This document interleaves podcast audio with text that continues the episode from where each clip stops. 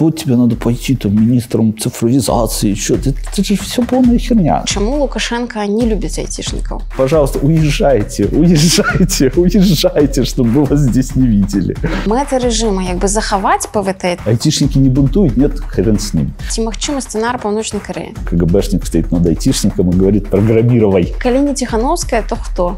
Мы стильные, модные, молодежные, лучше, чем существующий режим. Ну вось як беларусы могуць самі вырашыць свае праблемы. Да дохните, короче, вы в этом болоте, короче, сами с собой разберетесь. Як ты бачыш наступныя выбары ў Беларусі? Где автоматчик подходит и смотрит, за кого ты ставишь галочку. Калі Пратасевича затрымалі, у тебя пробег холодок по спине? Змагары в ближайшее время не закончатся.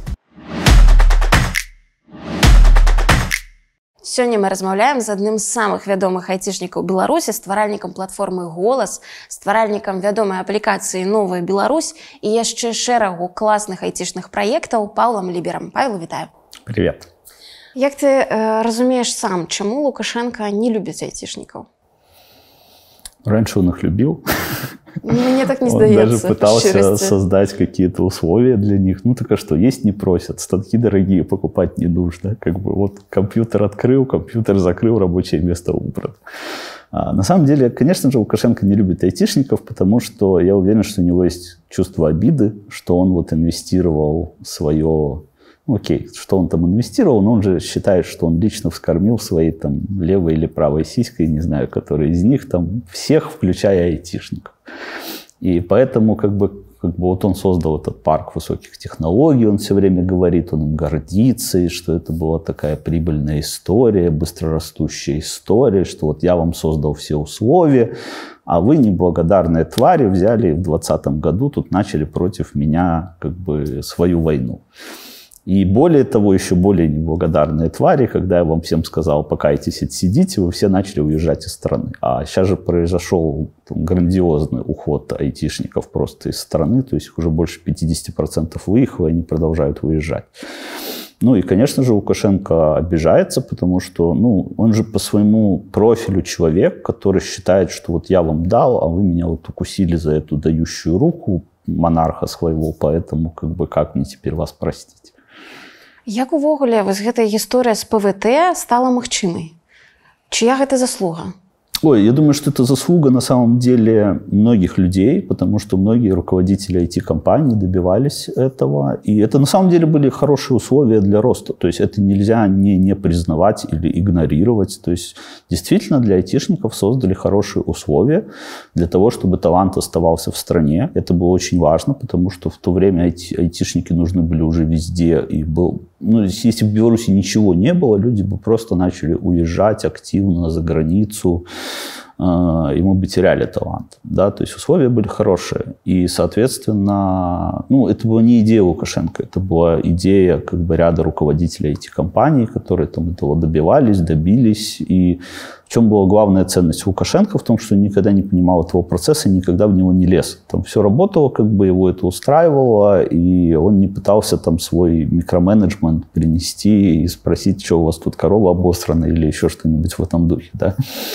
А поэтому эта штука развивалась, и развивалась хорошо. И тем грустнее смотреть сейчас, как она деградирует. Якія былі перспектывы ў ПВТ вось да 2020 калі глядзець на той рост імклівы які адбываўся Я думаю, очень хорошие, потому что э, все больше и больше компаний присоединялось, все больше и больше денег приходило, там начинало развиваться стартап-движение нормально уже. Ну, то есть были все перспективы, чтобы очень хорошо развивать это, это направление. Плюс все больше и больше образования появлялось, то есть все больше и больше людей приходили в IT. Ну, то есть в целом, как для индустрии внутри страны, развитие было очень позитивным. Але слухай ну Беларусь называлі апошняй дыктатурай Еўропы задоўга да 2020 яшчэ ў 2014 на кожным кроку пра гэта э, трубілі так сказаць Чаму топавыя кампаніі поверылі ў ПВТ поверылі ў то што ім дадуць магчымасць рабіць бізнес зарабляць грошы інвестары прыйшлі Ну, потому что был же вот этот период такой оттепели, назовем это условно, там с 15 по 20 год, когда вроде как был эффект какой-то действительно либерализации, когда там эффект какой-то стабильности был. Тут же очень важно, что инвесторам важна какая-то предсказуемость, да, и вот, вот эти последние вот перед 2020 годом несколько лет, они были достаточно ровные, как бы там все ездили тревелить там через Вильнюс, компании росли, вроде бы ничего страшного не происходило. Я уверен, что происходило, но просто как бы не имело там, св- своего места в медиаповестке или, или на это старались не обращать внимания и так далее. Тут же еще важно понимать, что есть э, какая-то там, назовем это суровая действительность. Да? Суровая действительность заключается в том, что если какая-то крупная enterprise компания ищет себе партнера, и в мире там мало специалистов, которые могут что-то делать, и они такие, ну, Беларусь, ну, Беларусь Беларусь. Признается, признается. Ну, говорят, там диктатор какой-то. Ну, как его зовут? Не знаю. Ну, не знаю. Как ну, главное, чтобы все работало. Да? То есть тут же никто не вкапывается в деталях, как работает там Беларусь и так далее. Особенно, когда мы говорим про крупных игроков, которые работают с компаниями из Беларуси. Понятно, что после 2020 года, когда там начали всех кошмарить, это стало нестабильно как бы от э, площадка, и, безусловно, многие компании ушли. А многие не ушли, многие остались просто потому, что как бы им там надо было где-то делать бизнес. То то есть мы, мы же похожую историю сейчас наблюдаем на примере войны э, России и Украины. Да, война, но при этом часть торговых потоков, включая нефтегазовые, прекрасно себе работают, и никого это абсолютно не смущает, потому что война войной, а бизнес бизнес. Если это прямо во время войны происходит, то, то там условная диктатура, имидж последней диктатуры Европы абсолютно не смущал большинство крупных компаний, чтобы работать с Беларусью. Ты ўжо сказаў такую страшную лічбу, што з Беларусі выехала 50 процентаў айцішнікаў. Говорят уже больше. На чем грунтуются гэтыя подлики? Наколькі можно Ой, верить? Ну, очень много уже проводили опросов и исследований. Девбай достаточно детально про это писал. Ну, и даже по размерам компаний. Ну, Девбай неплохо последнее время освещал это, и они там приводили, вот недавно, что белорусский офис там того же ИПАМа уменьшился очень сильно, например, и у других компаний то же самое произошло. Ну и тут важно понимать, что с одной стороны это происходит, потому что люди уезжают, не чувствуя свою собственную безопасность, с другой стороны это происходит, потому что Опять же, крупные клиенты сегодня уже в условиях войны не хотят работать с Беларусью, хотя они были готовы делать это раньше. Ну, потому что для них Беларусь это сейчас там слишком непредсказуемая э, площадка, где ну, вот завтра Лукашенко там, не знаю, поведет войска в Украину, в стране отключат интернет. Ну, то есть как, как можно работать в таких условиях. Да? Поэтому, безусловно, крупные бизнесы сегодня продолжают уходить из страны. И, в свою очередь, компании тоже как бы предлагают сотрудникам выезжать из страны, чтобы не продолжать работать, ну, потому что работы нет для них, по сути. Какие перспективы у сферы IT у Беларуси теперь? А, если ничего не меняется, то крайне печальное, потому что будет происходить дальше вымывание капитала, будет происходить дальше уход бизнесов, ну и это будет медленно скатываться к IT-уровню горизонта, когда типа работаем по ГОСТу за там, всем по 500 и прочее, прочее. И ничего хорошего в этом нет, потому что мы видим, как развивается мир, мы видим, как, как быстро сейчас пошло развитие технологическое с искусственным интеллектом, с технологиями, со всем остальным. И на фоне этого Беларусь, она такая развернулась и медленно пошла в обратную сторону там, деградации. Э, и это очень печально, потому что когда ты видишь, как целая индустрия развивается, растет, создает новые рабочие места. Безусловно, как бы влияет на то, что происходит в стране. Очень грустно видеть, как все это начинает медленно сворачиваться обратно.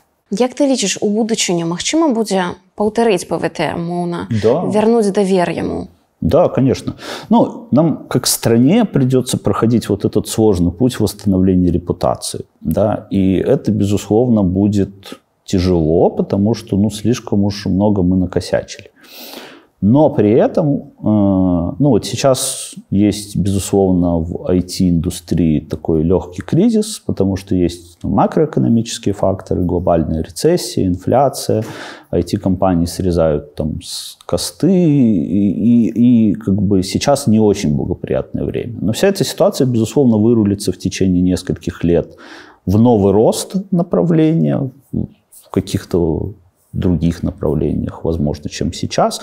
И всем снова нужны будут специалисты, всем снова нужны будут а, там, обучение, люди, партнерство с университетами и так далее. Безусловно, Беларусь как страна имеет достаточно хороший имидж с точки зрения качества людей. Поэтому если в стране все будет хорошо, то всю эту историю можно будет возродить, индустрию можно будет возродить. Проблема в том, что чем дольше длится вот этот период загнивания, тем дольше из этого периода придется выходить. К сожалению, здесь есть прямая зависимость, потому что вот все эти отваливающиеся проекты, связи и прочее во времени, их потом точно так же во времени придется восстанавливать. Какие зараз краины наибольш сприяльные для IT? Сегодня происходит же обратная ситуация. Сегодня страны начинают привлекать талант со всего мира к себе, потому что им хочется, как бы, чтобы эти люди приносили доход себе и доход этой стране в виде своего налога.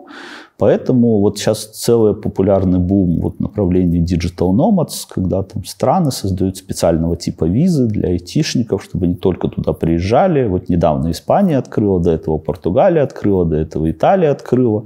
То есть, пожалуйста, приезжайте к нам, мы вам даем визы, работайте, платите свои налоги у нас, потому что у вас зарплаты высокие, нам ваши налоги очень интересны. И, и это направление, которое будет продолжать развиваться.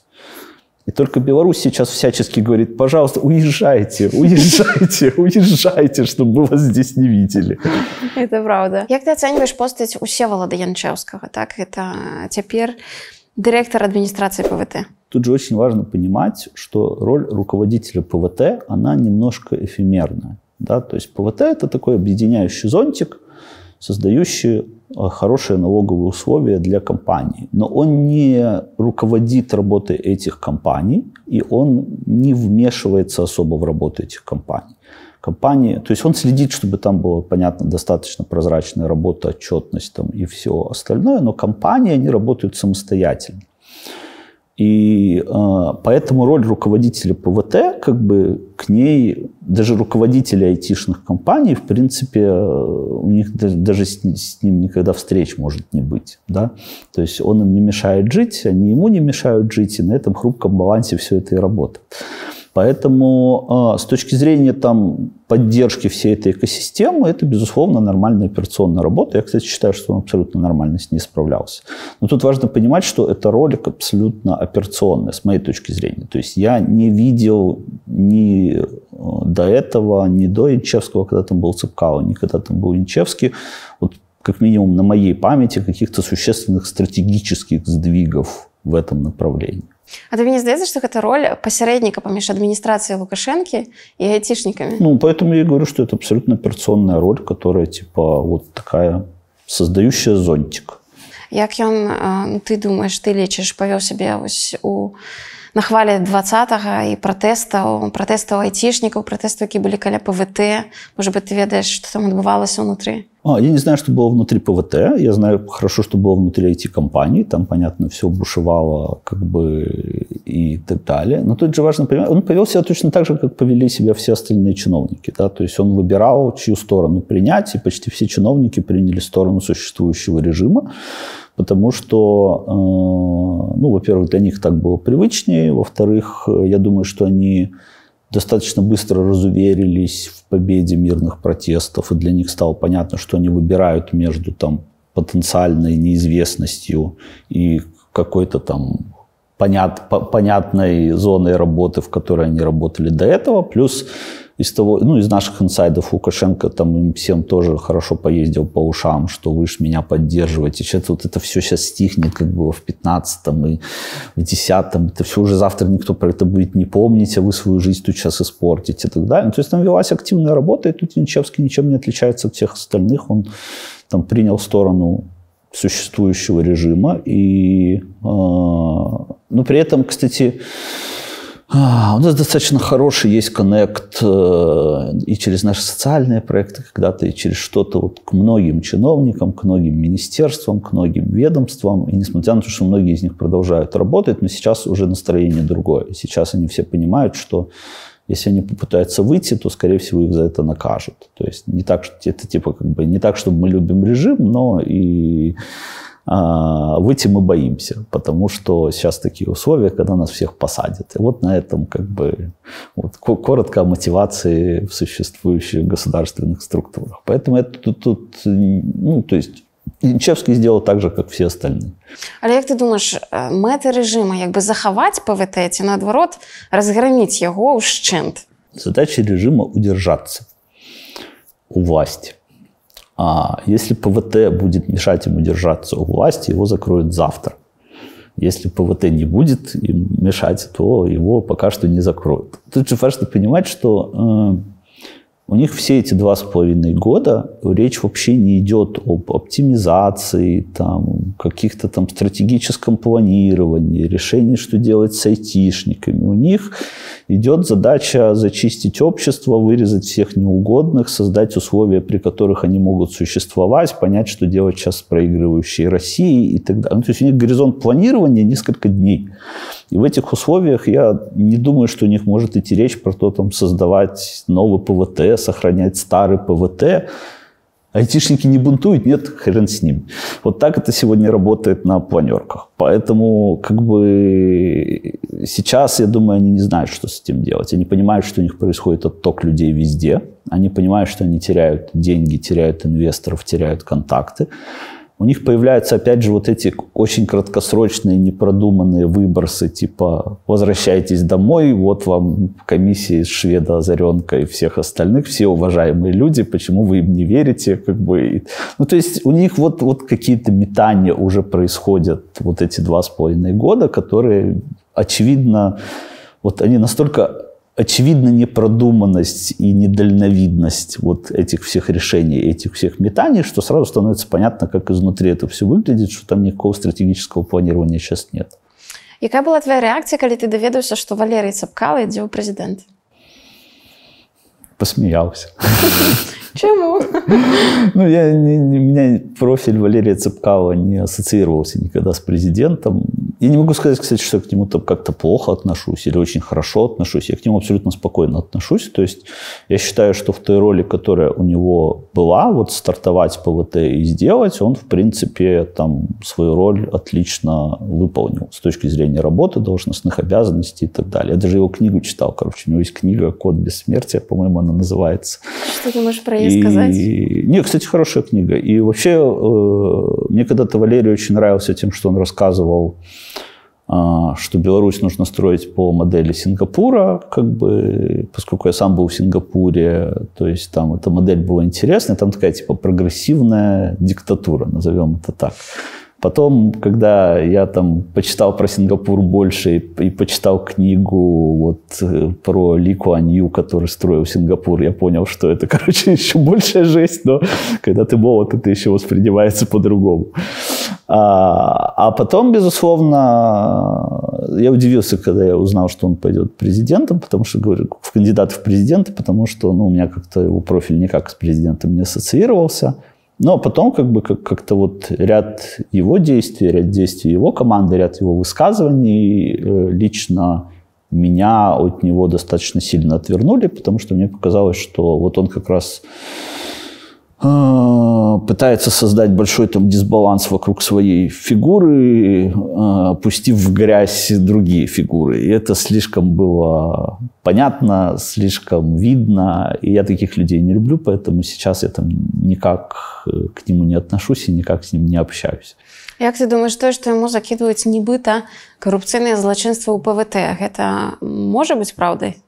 Да, может быть, потому что э, я думаю, что в принципе в госсекторе Беларуси все построено на таких налаженных коррупционных схемах. И это просто часть жизни, которую принимают все люди, которые там работают, или они бы там не работали. Это гипотеза, я не знаю, я не работал внутри госсектора, как бы у меня вот по ряду различных там новостей, событий и прочего ощущение такое.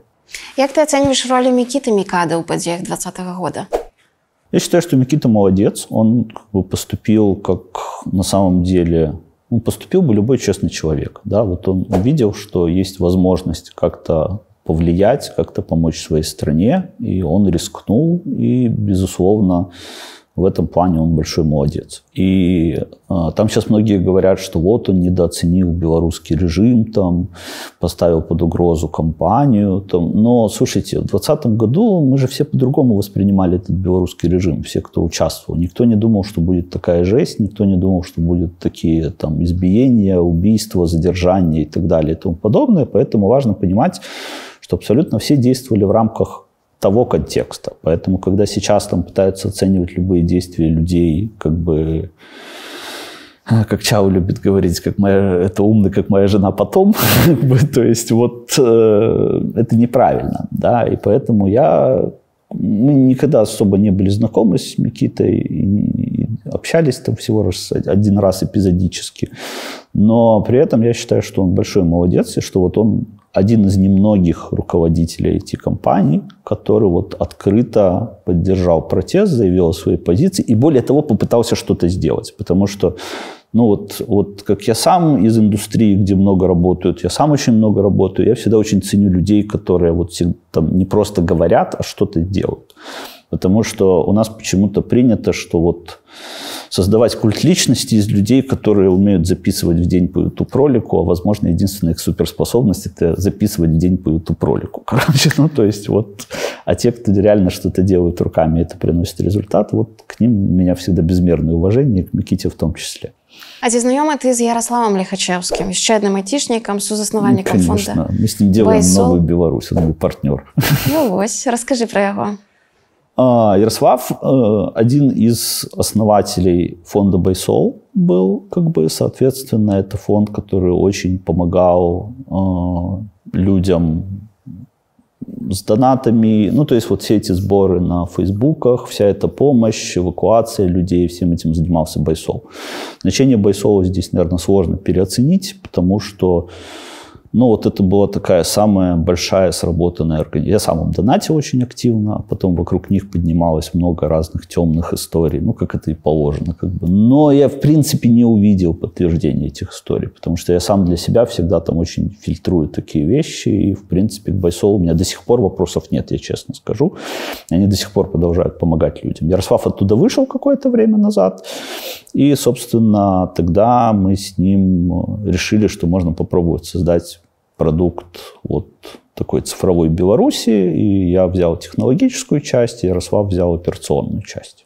Ты ўвогуле разумееш чаму байсолу стрыжаку у прыватнасці найперш яму пастаянна закідваюць нейкае абвінавачванне ў махлярстве я думаю, что это абсолютно нормально, потому что когда в любом обществе создается элемент конкуренции, а безусловно все эти фонды, они конкурируют друг с другом и так далее, то дальше создается а, элемент вбросов, очернения друг друга и так далее и тому подобное. Это происходит в абсолютно любом обществе, в абсолютно любом стране. Это не специфично только белорусскому контексту и контенту. Это абсолютно циклично происходит в истории всегда и везде. Поэтому это то, чего нужно ожидать. Но, но дальше нужно включать какую-то критичность мышления и понимать, окей, если вас в чем-то обвиняют, то покажите доказательства того, в чем вас обвиняют. Там, если, ну, потому что у нас же очень любят еще во время каких-то набросов смешивать какие-то этические вещи и там фактологические вещи. Типа он, он про него в Телеграме там написал плохо, значит, он точно крадет деньги. Но такой же, как бы, то есть он про него в Телеграме написал плохо, значит, что человек, возможно, там этически несовершенен. Это окей. Если почитать внутренний чат нашей команды разработки, там после этого любого правозащитника, культуролога или эстета просто вот он с такими глазами не сможет спать неделю. Ну вот мы так общаемся, да. Но э, это не значит, что мы там крадем деньги или делаем плохие продукты, или мы не профессионалы, или еще что-то, да. То есть как бы поэтому... А, я думаю, что там, где возникают деньги, там возникает конкуренция за деньги. Там, где возникает конкуренция за деньги, там, безусловно, возникают проблемы. Ці знайомий ти з Баграцовым? А, да. Ну, больше по работе на самом деле, чем потому что я уже уехал, когда он приехал в Минск. Ты был удивлен, коли он активно стал удельничать в протестах 20-х? А, был немножко удивлен, но немножко, потому что э, я могу сказать, что по работе, когда я сталкивался с Максимом, он всегда был таким очень взвешенным, ответственным человеком, а, но в нем всегда была такая вот легкий флер авантюры, поэтому я вот сначала, сначала удивился, но потом это удивление быстро прошло, потому что я подумал, что вот Максим вот он тоже, он очень такой честный, открытый, искренний. И я вот подумал, что ну вот это, это точно не усидит, короче, без, без того, чтобы не попытаться помочь. Ты разумеешь, куда он теперь знік? Чому ён сышоў як бы з публічнай прасторы? Ну, я думаю, что он ушел с публичного пространства, потому что сейчас там ту миссию, которую он пытался сделать вот с тем, чтобы настроить какие-то мостики все-таки между там, протестом и существующим режимом. Это абсолютно мертвое поле, и поскольку на нем ничего нельзя делать, то, соответственно, то есть и Максиму сейчас на этом пространстве, я думаю, работы нет. Ну и тем более, что а, он был в сходе, где там начали, который объявили экстремистским и начали задерживать участников. Ну и поэтому и в Беларуси ему тоже, понятно, делать нечего. Я думаю, что его там сейчас задержат. Про, про, ну, просто потому, что всех задерживают. И поскольку э, прямо сейчас нет какой-то работы, которую он мог бы делать, которая бы приносила эффект, который ему нравился, или его бы удовлетворял, я думаю, поэтому его сейчас нет в публичном пространстве, потому что тот тип работы, который он пытался делать, он сейчас не востребован. Что тебе сказал Добкин, когда ты обвестил, что сыходишь с ЕПАМа и идешь робить революцию? сказал, что я взрослый человек, самостоятельно принимаю решения. Ну, тут же вот э, многие люди, особенно это касается вот государственных каких-то медиа, белорусских прогосударственных медиа, вот у них как-то есть вот эта связь того, что компания обязательно определяет судьбу человека, который там работает. Но в любой коммерческой компании же не так. То есть, как бы, ну, там, в том же ЕПАМе ну, то окей, ты понимаешь, что ты не можешь дальше работать и достаточное количество времени уделять работе, ну, ты уходишь, и все, у тебя заканчивается трудовой контракт, это не драма, не трагедия, это просто рядовой факт. Ты работал, теперь ты не работаешь. Как бы. И, кстати, в айтишном мире это абсолютно нормально, там есть люди, которые по 20 компаний меняют за свою жизнь. То есть поэтому Аркадий сказал, что ну окей, как бы понятно, что там, если ты не собираешься там дальше там, работать по своей роли, то ты волен заниматься чем хочешь, потому что как бы, компания ПАМ к этому отношения никакого не имеет. И, соответственно, там твои личные дела, твои личные проекты и все остальное, они, это, безусловно, твои личные дела. Але ты тады сыходзіў як бы не з шараговай пасады не з шараговай кампаніі которая для цябе была там адна з 10 20 і так далей она была у тебе 19 гадоў ты там адпрацаваў правильно разумею да 18 18 да ты штосьці адчуваў той момент что ты як бы Ой, закрываешь я, не знаю? я скажу нет потому что это это может звучать там удивительно но опять же это же вот было такое время когда время супер воодушевления и ты понимал окей если у тебя там есть шанс сейчас там чем-то помочь что-то изменить и в дан... и тебе для этого нужно уволиться хотя хоть ты проработал 18 лет в компании ну и, и черт с ним как бы я не сильно беспокоюсь за то, что я там не найду себе работу, когда я снова захочу пойти в какую-нибудь компанию. У меня достаточно разношерстный опыт и достаточное количество предложений там всегда есть для того, чтобы пойти и работать снова. И наоборот, я могу сказать, что вот за два с половиной года, которые я там формально безработный, а, я получил такое количество опыта, новых знакомств, кучи проектов и так далее, а, что я, наоборот, очень этому опыту благодарен. И, и на самом деле э, у меня нет никакого сожаления, что я там ушел из ЕПАМа, ну, ушел и ушел. Зараз паўсюль па краіне па розных заводах арганізацыях ідуць чысткі такія тотальныя звальняць людзей ты дапускаеш што такое можа быць і ў айти кампаніях у беларусі Но это уже происходит, потому что уже сейчас людей вызывают за то, что они донатили там, на Facebook, и если человек не соглашается отдать там, деньги, то его, на него открывают уголовное дело. Вот недавно буквально на девушку открыли уголовное дело за эти донаты. Поэтому это то, что уже происходит. Поэтому я, я на это не смотрю как на вероятность того, что это будет. Я смотрю как на то, что уже есть. И я там абсолютно всем своим знакомым, которые там периодически ездят в Беларусь, очень советую, если они куда-то донатили или где-то ходили, не возвращаться, потому что работа по восстановлению вот всех людей, кто принимал участие в любых протестных активностях, она продолжается и будет продолжаться. И то, что человека там не арестовали в 2020 году, не значит, что его не арестуют в 2023 году. Просто до него дойдет очередь. А поскольку в протестах участвовали сотни тысяч людей, если не миллион, то это как бы, знаете, сколько еще будут работать наши силовики, не покладая рук ради своих квартир. Там, поэтому я бы советовал людям быть очень осторожными сейчас. Ты ранее сказал, что Тихановская великая. Угу. Ты по-ранейшему так думаешь? Да, абсолютно. Я просто преклоняюсь перед ней. Вот опять же, я а, как бы это сказать, я не преклоняюсь перед ней, как перед там, кандидатом в президенты или, или суперполитиком. Я преклоняюсь перед ее трудоспособностью, потому что вот, ну вот я могу по себе вот судить, да, для меня там провести несколько встреч, с кем-то говорить постоянно, это уже такое прям вот тяжелая штука. Я себя к вечеру чувствую уставшим, опустошенным. Как она умудряется ездить, проводить все эти встречи, держать Беларусь в повестке и вот не умереть при этом, и не выйти и не сказать, слушайте, пошли вы все нахер, я на это все не подписывалась в 2020 году, короче, вот я просто безмерно ее за это уважаю. Ну, потому что Потому э, что многие люди не понимают важность того, что она делает. Потому что вот сюда периодически приезжают какие-то евродепутаты или представители Госдепартамента. А, иногда даже меня зовут на эти встречи, потому что им интересно послушать про голос там, или еще про что-то. Почему им интересно? Потому что они уже про Беларусь в 2020 году ничего не знают. Там уже поменялись люди, пришли новые люди на новые роли, произошли ротации.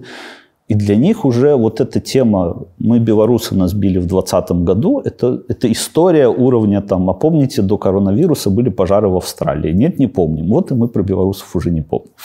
И поэтому как бы вот понятно, что нам это очень горько сейчас осознавать, что вот нас смешивают с россиянами, что нас считают там агрессорами и прочее, прочее. Но очень важно понимать, что дальше все будет только хуже. Не будет той точки, когда все скажут, а нет, точно, это же те замечательные светлые ребята, которые протестовали в 2020 году. Вот этого уже не будет. Очень важно. И, и миссия Тихановской, вот это все-таки держать вот этот разрыв между белорусами и Лукашенко, между белорусами и Россией. И вот то, что она это делает, я считаю, она большой молодец. И то, что она не сдалась, не устала, не там как бы под всем этим давлением, под всем этим хейтом в отношении себя продолжает это делать, вот это заслуживает восхищения с моей точки зрения, и я вот вся, все это восхищение сейчас ей передаю. Калини Тихановская, то кто? Вот понимаете, в этом-то и проблема, что м- прошло два с половиной года, а мы не отстроили никакой системы, позволяющей заменить Тихановскую. И это проблема, потому что, я говорю, если завтра Тихановская выйдет и скажет «я устала, я ухожу», то белорусов смешают как бы с грязью дня через три. Как бы. И после этого отменят все визы, всех депортируют, всех посадят, короче. И Почему так произойдет? Да потому что все, все институты нужно отстраивать. То есть нужно отстраивать нормальную систему представительской власти, когда нужно создать себе, пускай там виртуальный МИД, который будет выполнять эту функцию. Нужно там объединиться для того, чтобы собирать ресурс на то, чтобы вся эта история стала там более широкой, повторяемой и прочее, прочее. Но мы этого не делаем. И это проблема. Это вот то, что мы сейчас будем пытаться шаг за шагом делать в платформе «Новая Беларусь», потому что если этого не произойдет, то все это скатится просто в Северную Корею, и при этом пострадают еще больше как белорусы внутри страны, потому что Лукашенко там спустит все тормоза, так и белорусы снаружи, потому что их уже никто не будет воспринимать как то, что они хоть как-то отличаются там, от россиян. А ўражанне ціхановскай просто чалавечае ты ж ёй сустракаўся асабіста якое тебе засталось немного как бы но могу сказать что оно было очень приятно потому что я был на нескольких встречах, где презентовали различные проекты. Мне очень понравилось, что Светлана всегда челленджила эти проекты с точки зрения там, обычного человека. Типа она говорит, ну вот я там продавщица в магазине, и вот я читаю ваш вординг, и я не понимаю, что вы мне пишете. Вы пишете про какую-то абстракцию, а у меня тут, короче, денег нет на то, чтобы хлеба себе купить. И вот мне очень нравится, что она именно встает всегда в позицию простого человека. Потому что а, это еще одна наша проблема. То есть мы крутимся вот в этом своем бабле а, про оппозиционных людей, энергичных, бодрых, где осталось там несколько десятков тысяч человек, но при этом-то большинство людей, они живут абсолютно своими повседневными проблемами, и они хотят, чтобы ты приходил к ним с объяснением, как ты можешь решить их проблемы, а не с рассказами про корабли, вселенные и все остальное. Как ты ставишься до Зенона Поздняка? Негативно. Я, я как-то никак к нему не относился раньше. А, ну, точнее, я знал, что он есть, я знал, что он боролся с Лукашенко, безусловно, это заслуживает уважения. Но сейчас его вот этот формат поведения «все рука Кремля, а я молодец», короче, э, ну, он очень странный для меня. И при этом э, он там несколько раз давал интервью, и он упоминал нас персонально, он рассказывал про голос, что это все тоже ФСБшники, и они собрали там 700 тысяч человек в Вайбере, короче, и во-первых, не только в Вайбере, во-вторых, не 700 тысяч. В-третьих, ну, если у тебя уровень проверки фактологии как бы сыплется уже здесь, то значит, можно ли верить всему остальному, что ты говоришь. Поэтому мне как бы кажется, что это просто очередная форма популизма. И я говорю, я не люблю популистов. Как бы я, я вот как бы, когда мне человек начинает рассказывать, какой он классный, я говорю, так покажи, что ты сделал, покажи какие-то проекты, людей, статистику, числа, что, вот, вот руками ты что сделал, как бы. И вот в случае Зенона последние вот эти год его бешеной активизации, я не вижу, что он сделал, кроме каких-то каких посылов. Посылы правильные, к посылу у меня, кстати, вопросов нет. Но у меня это не складывается пока что в историю какого- какого-то реального дела. Я калі э, размаўляла праз два месяцы пасля выбараў з Максімом баграцовым. Э, я ў яго тады пыталася ці магчымы сцэнар паўночнай карэі і ён тады казаў катэгарычна не што гэта абсурд і такога ў беларусі ніколі не можа быць і вось цяпер уже пасля 21 22 я хочу спытаць у цябе што ты думаешь пра сцэнар паўночнай кары Я думаю он возможен и я более того это я бы оценивал эту вероятность как достаточно высокую. То есть, а, потому что, смотрите же, что происходит. Получается, а, Европа самоизолировалась от Беларуси, то есть со стороны Европы там, по сути, уже никакого воздействия на Беларусь сейчас не происходит, то есть потому что они не хотят как бы работать с токсичным режимом. Ну и Лукашенко понимает, что он уже в такой зависимости от Путина, что ему сейчас налаживать контакты с Европой тяжело. С другой стороны, есть проигрывающая Россия, как бы, которая... Э, мы не знаем, как закончится война. Я очень хочу, чтобы она закончилась уже там развалом всего этого не развалившегося совка. А, но мы не знаем. Да. Дело в том, что я, я боюсь, что там все пойдет по другому сценарию, когда это снова будет заморожено просто в другом статус-кво. В России все станет очень плохо, автоматически это будет транслироваться там и на Беларусь в том числе. Какой-нибудь, не знаю, там российский криминал поедет в Беларусь или еще что-нибудь. И это все закуклится в таком маленьком мирке, как бы окруженным со всех сторон заборами, которые сейчас старательно все возводят. И там скажут, да дохните, короче, вы в этом болоте, короче, сами с собой разберетесь. Да, и, и это тогда, безусловно, может прийти к сценарию Северной Кореи, потому что э, если ничего не произойдет, если Лукашенко окончательно зачистит там поле, денег ему брать не, не, неоткуда, он будет выжимать максимально все существующие ресурсы, люди будут страдать, но терпеть. И в таком, ну, как Северная Корея появилась, ровно так же. Она же не появилась за один день, правильно? Она появилась за достаточно продолжительное время, загнивающей экономики, усиливающегося тоталитаризма и прочее, прочее. И поскольку там все от этой истории сегодня уже устали, как бы, и никто не сильно Беларуси не, стрем... Беларуси не стремится помогать, то, безусловно, к такому сценарию можно прийти. Як ты думаешь ці могуць у беларусі блакаваць сацыяльныя сеткі YouTube Да, конечно. Опять же, если они будут чувствовать угрозу для себя, то, конечно, смогут. Я калісьці э, была ў Китаі І канешне гэта было трошку шок тому что ты заязджаешь у краіну дзе э, інтэрнет рэгулюецца і ты не можешь открыть сайты которые ты мог открыть там у гонконгу. Э, ты не можешь не знаю купить квіток без пашпарта ты можешь высці ў парк толькі по адбітку пальца і ёсць адчуванне такой тотальнай слежки. Вось гэта наколькі блізкая будучыня у беларусі Я не думаю, что очень близко, а, потому что у них нет денег купить это все у Китая сейчас. И у них есть еще вот этот а, боязнь пустить какую-то другую страну в свои внутренние дела, поэтому они не сильно там консультируются там, с той же Россией по кибербезопасности, не выписывают оттуда специалистов или там с тем же Китаем. У них есть, понятно, там какой-то обмен опытом и так далее, но они стараются все-таки в свои какие-то корневые системы процессов в Беларуси иностранцев сегодня не пускать, ну, потому что они боятся потери контроля.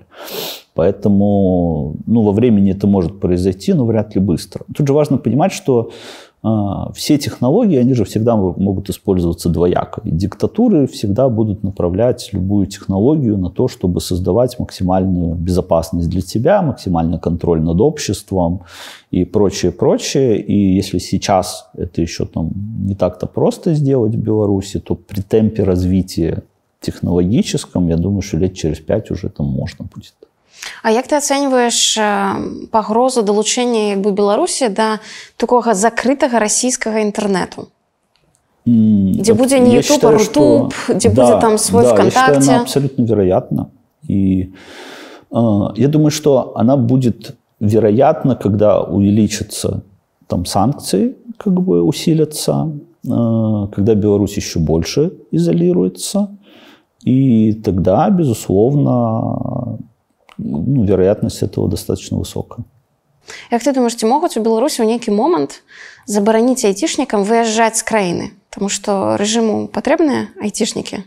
Я вот на абсолютно любой вопрос, который начинается с фразы «может ли?», уже смело могу отвечать «да», с учетом предыдущих двух с половиной лет опыта, потому что вот если бы эти вопросы казались какими-то абсолютно дикими и невозможными, там, не знаю, в начале 2020 года, то сейчас оно так, ну, ну да, легко. Ну, уже даже были какие-то случаи, когда люди не могли уехать, получали там этот полон бизнес-харбор и как бы создавали препятствия для выезда. Ну, понятно, одиноч... единичные случаи, но то, что в принципе могут закрыть границы и запретить людям выезжать, как бы я абсолютно верю. Опять же, это будет при там, существенной угрозе безопасности режиму, или суще... ну, включая какие-то экономические вещи. Да? То есть если режим понимает, что лучшие специалисты уезжают, и экономика из-за этого страдает, значит, нужно силой заставить лучших специалистов остаться. Есть такой мимасик, где такой КГБшник стоит над айтишником и говорит «программировай». Вот, вот это будет не мимасик, это будет обычная жизнь. Я хочу тебе распытать, может быть, ты можешь трошки больше рассказать, как выглядает сегодня такая система слежки за белорусами у державе, да, у режима.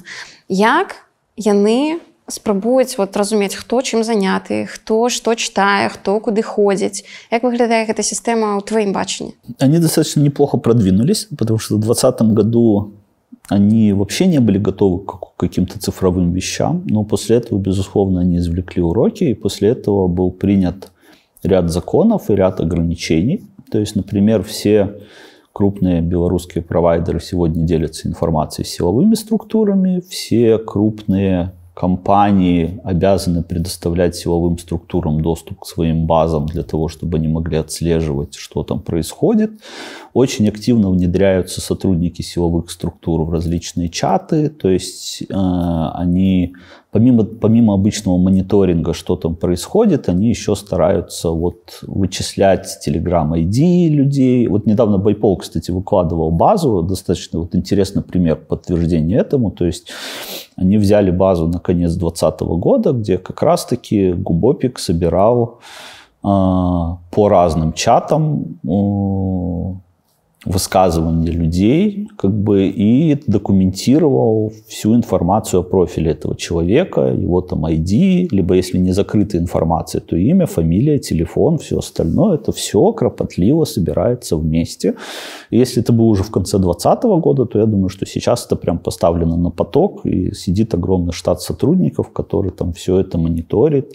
Плюс у них есть доступ к базам, плюс у них есть доступ к операторам, плюс у них есть доступ к телекому. Ну, то есть контроль достаточно большой. Я думаю, что сейчас они скорее упираются в какие-то количество людей, которые может в этом всем, ну, значит, колоссальная работа, автоматизировать они ее не сильно научились из того, что я там как минимум слышу с земли, поэтому они все это пытаются решить человеческим ресурсом. И именно поэтому и происходит вот это история, что многих людей сейчас начинают задерживать либо повторно, либо вот спустя, по сути, два с половиной года, просто потому что вот до них этот человеческий ресурс уже дошел, нашли, что он там был у кого-нибудь в телефоне. Ну, опять же, когда любой сотрудник, когда любой человек попадает, они там изучают его телефон, скачивают все его фотографии, начинают работать по этим фотографиям, если они были с маршами. Ну, и поэтому это такая вот очень-очень раскручивающийся механизм, и их задача, собственно, задержать каждого, ну, потому что им же надо поддерживать эту историю про то, что всех накажем, никого не простим, дайте квартиру, пожалуйста. Ты бачишь некий сценарий, при яким спынятся репрессии? Сейчас нет.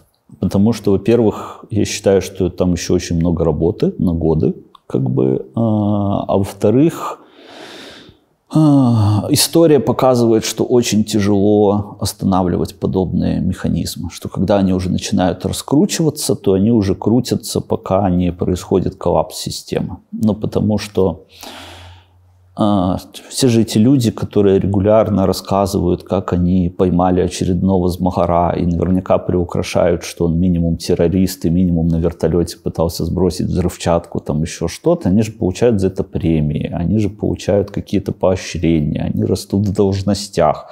А представим, змагары закончились. В стране экономические проблемы. Как бы, ну, им же первым срежут, короче, эти все премии, зарплаты и все остальное. Они же этого не хотят, поэтому змагары в ближайшее время не закончатся. Неважно, они змагары или не змагары. Как бы, поэтому нич- ничего улучшаться не будет. Я думаю, так. Сябры, калі вам спадабалася гэтае відэа, калі ласка, пастаўце лайк. Гэта дапаможа нам трапіць у тренды Ютуба і больш людзей зможа пабачыць гэта і іншыя нашыя відэа. Дзякуй, што вы з намі. Лічбавая Беларусь. Каму яна патрэбная? На самом деле всем нам, потому что физическая Беларусь это сегодня абсолютно закрытое пространство, в котором очень тяжело что-то делать. И при этом мы понимаем, что мы не потратили последние вот эти два с половиной года на то, чтобы прийти к какой-то нормальной самоорганизации. А, ну, ярчайшим примером является то, что мы обсуждали. Вот Тихановская, которая как пионер гоняет по всем странам, короче, рассказывает, что белорусы есть, и они там не лукашисты и так далее. Но если Тихановская устает, то как бы а что дальше? Непонятно. Да, и э, у нас есть люди, то есть это там наш капитал, который часть находится в стране, какая-то меньшая часть находится за границей, размазанная по всем странам. А, и при этом у, у этих людей сегодня, безусловно, есть проблемы, потому что у людей внутри страны это проблемы ухудшающегося экономического положения. Кстати, вот мне очень нравится, когда опросы внутри Беларуси проводятся, там никто не говорит про то, что у них в организме не хватает демократии. Да? Там люди говорят, что у нас тут как бы пенсии уменьшаются, зарплаты уменьшаются, цены растут, тотальные репрессии и так далее. Да? То есть, и, и приходить к этим людям и рассказывать просто про абстрактное светлое будущее, это абсолютно бессмысленно. У них повседневные проблемы совершенно другие. Есть люди за границей, у которых точно так же ситуация ухудшается. То есть их как бы, ну потому что просто потому что к белорусам начинают относиться плохо, потому что Беларусь формально является соагрессором в войне с Украиной. Поэтому начинаются там депортации, непродление визы, они не могут поменять паспорта. И и в целом вот все эти люди, они думают, окей, мы хотим вернуться домой, а что нам делать? И вот ответа на этот вопрос, а что нам делать, его нет. Потому что э, как минимум, я не видел никакого там плана на ближайшие там три года, как нам перейти от состояния разрозненного общества к состоянию там, консолидированного гражданского общества, способного решать свои проблемы. То есть у нас все еще есть а, такой легкий инфантилизм о том, что это же мы бедненькие, нас били, пожалейте нас, как бы почему вы нас сейчас все, все гнобите, и, как я уже сказал, ситуация лучше не станет. И вот наша задача сейчас вот этот инфантилизм начать конвертировать в какой-то прагматизм из уровня, ну хорошо, если там мы больше никому не нужны, кроме самого себя, что нам делать дальше? Из этого и появился проект цифровой Беларуси, как нам начать, собирать людей вместе в одном пространстве. А, сначала под очень нейтральных вещей, вот то, что мы запустили как пилот, по сути, три месяца назад, это такой социокультурный хаб с событиями, какими-то там встречами. Ну, то есть он, он не политический, он нейтральный. Это просто первый шаг для того, чтобы начать как-то собирать людей вокруг чего-то. Возвращать разорванные горизонтальные связи, которые разорвались, когда все резко разъехались в разные места. Но представим себе, что у нас на платформе, ну вот у нас там сейчас за три месяца там 22 тысячи скачиваний. Представим, что мы где-нибудь там через год, и у нас, допустим, уже аудитория в 100 тысяч человек. Да? Если аудитория в 100 тысяч человек, это уже нормальное такое гражданское общество, у которого потенциально может появляться ресурс. Да? То есть, допустим, Тихановская говорит, я устала, я ухожу, как бы, или я не могу там каждый день пинговать Европарламент по проблемам Беларуси. Мы говорим, хорошо, давайте мы там наймем лоббистов, которые будут делать это там каждый день. Да, то есть нам нужно нанять там, два человека, которые будут жить в Брюсселе, платить им зарплату, предположим, там 80 тысяч в год, ну там 160 тысяч в год. Для 100 тысяч человек это не сумма, да, 100, 160 тысяч евро в год заплатить. Но при этом, если мы сейчас попробуем вот в существующих условиях нанять этих двух лоббистов, окажется, что ни у одной существующей гражданской инициативы нет таких денег, нет таких средств, они сами живут там на каких-то донатах, грантах, волонтерах, честном слове и выживают там с трудом на хлебе и воде. Ну, то есть мы как общество имеем проблемы, и не имеем никаких механизмов объединения для решения этих проблем. Ну, то есть мы все еще ждем, что их кто-то решит за нас. Там, не знаю, Тихановская, честные люди, кто-нибудь еще. Ну, то есть, а, там, а там как бы тоже не все так хорошо, потому что во времени их ситуация тоже ухудшается, точно так же, как и ситуация этого общества. И либо это, это все просто умирает во времени, забывается и превращается в Северную Корею. Там, не знаю, Беларусь становится Россией к 2030 году, белорусы, выехавшие, становятся поляками, литовцами или еще кем-нибудь. Как бы, ну, то есть, либо мы учимся собираться и что-то делать. Да, то есть, потому что э, мне, мне, мне еще очень нравится, вот мы когда запустили платформу, она такая нейтральная про культуру, про все остальное. Они такие, что вы делаете? Только вооруженное восстание спасет Беларусь. Вот Сахащик в интервью сказал, что нам бригада нужна, там 4 тысячи человек. Хорошо, давайте посмотрим на проблему математически. Да? То есть нам нужна бригада из 4 тысяч человек. Они там всех спасут, все вернутся домой. Возможно, это правда. Я, кстати, абсолютно верю, что, возможно, это правда. Что такое 4 тысячи человек? То есть, во-первых, это нужно найти добровольцев. Сегодня по разным оценкам, на какой-то очень большой разброс, типа, что вот все добровольцы, которые сегодня есть в Харугвах, Посполитое Рушение, это там кто-то говорит 150, кто-то говорит 200, кто-то говорит 800, ну, ну все равно не 4000, да, то есть, значит, нужно добрать людей, платить им зарплату, ну, потому что человек идет, по сути, полностью обучаться, готовиться. А после магчима на смерть. А после этого, возможно, на смерть, да. И, соответственно, их нужно экипировать. То есть я помню, что, по-моему, калиновцы писали, что у них экипировка на одного человека стоит около 4 тысяч. Да, то есть 4 тысячи человек – это 16 миллионов только, только на экипировку. Плюс их подготовка, зарплата инструкторам, как бы все эти расходные материалы на учебные стрельбы, все остальное. Ну, то есть сумма легко запрыгивает за 50 миллионов, а в реальности с хорошим с хорошими экипировками и длительным обучением, я думаю, за 100 миллионов. Да, то есть ни один там какой-то социальной организации не даст 100 миллионов, потому что никто не даст на войну там какой-то социальный грант да, значит, нужно найти где-то там, ну, пусть не, давайте вернемся, 50 миллионов самостоятельно. Ни одна гражданская инициатива сегодня как бы не способна там, такую сумму найти. Да? То есть это может сделать какое-то хорошо, большое, хорошо сконсолидированное общество, которое там готово, не знаю, отложить по 50 евро в месяц, если они в это верят, в течение года. Да, тогда это можно сделать. То есть, а иначе нет. Поэтому э, независимо от того, по какому пути пойдет как бы белорусское общество, возможно, оно там соберется и скажет, да, голосуем, нам нужно эти 4000 человек, мы готовы их там создать, профинансировать, как бы и разделить часть ответственности за то, что мы посылаем людей на смерть. Да? Либо нет, мы не хотим вооруженного сценария, мы там, не знаю, задолбаем Евросоюз своими лоббистами так, что они скажут, что проще нам все-таки вернуться и заняться проблемой Лукашенко, короче, иначе эти не отстанут. Да, ну, мы не знаем. Да? То есть общество само должно решить. Но для того, чтобы общество само могло решить, то этому обществу нужно, во-первых, осознать, что оно должно это сделать.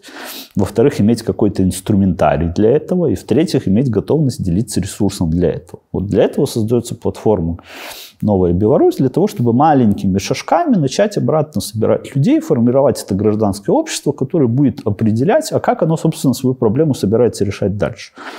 Потому что, как я уже сказал, проблемы будут только накапливаться во времени, и как бы обратно к вот этому мировому состраданию по отношению к белорусам мы, к сожалению, уже не вернемся, потому что, ну все, тема пройдена. Как бы, и вот это как раз большая миссия, и сложность этой миссии в том, что 28 лет это общество отодвигали от любых политических обсуждений, от участия в политической жизни, от всего остального. И мы не можем сейчас тоже там за день или два как бы взять и резко их переключить на то, что все понимают, как все должно работать.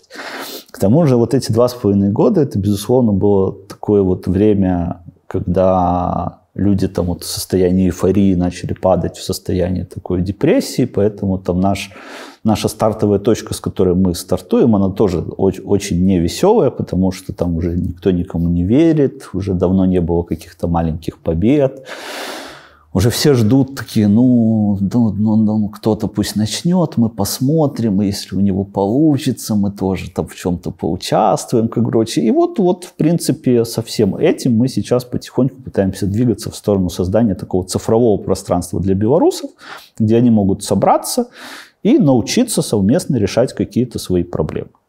Ты як чалавек айцішнік для которого важныя лічбы накідай нам зараз колькі там спамповак якія праекты унутры платформы самыя папулярныя колькі з якіх краінаў людзі сцягваюць дзе ну найбольш mm -hmm. запатрабавана Да, значит, ну вот мы чуть больше трех месяцев, по сути, как вышли. Это все еще бета, мы позиционируем это как бета-запуск, потому что мы хотим доделать часть э, с Digital ID, с цифровым identity, для того, чтобы уже выходить из беты.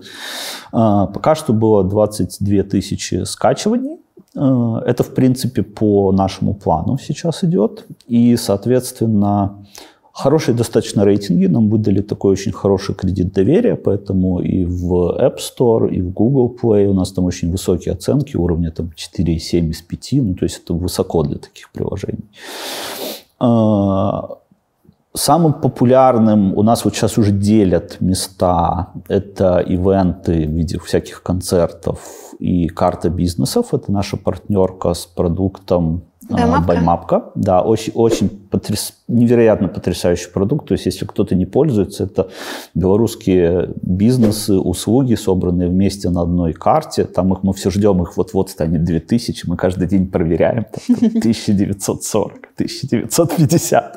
Это делает замечательная команда Баймапка. Мы им помогаем технически. Ну, то есть, они обеспечивают весь организационный и модераторский процесс. Мы им помогаем с технологическим продуктом.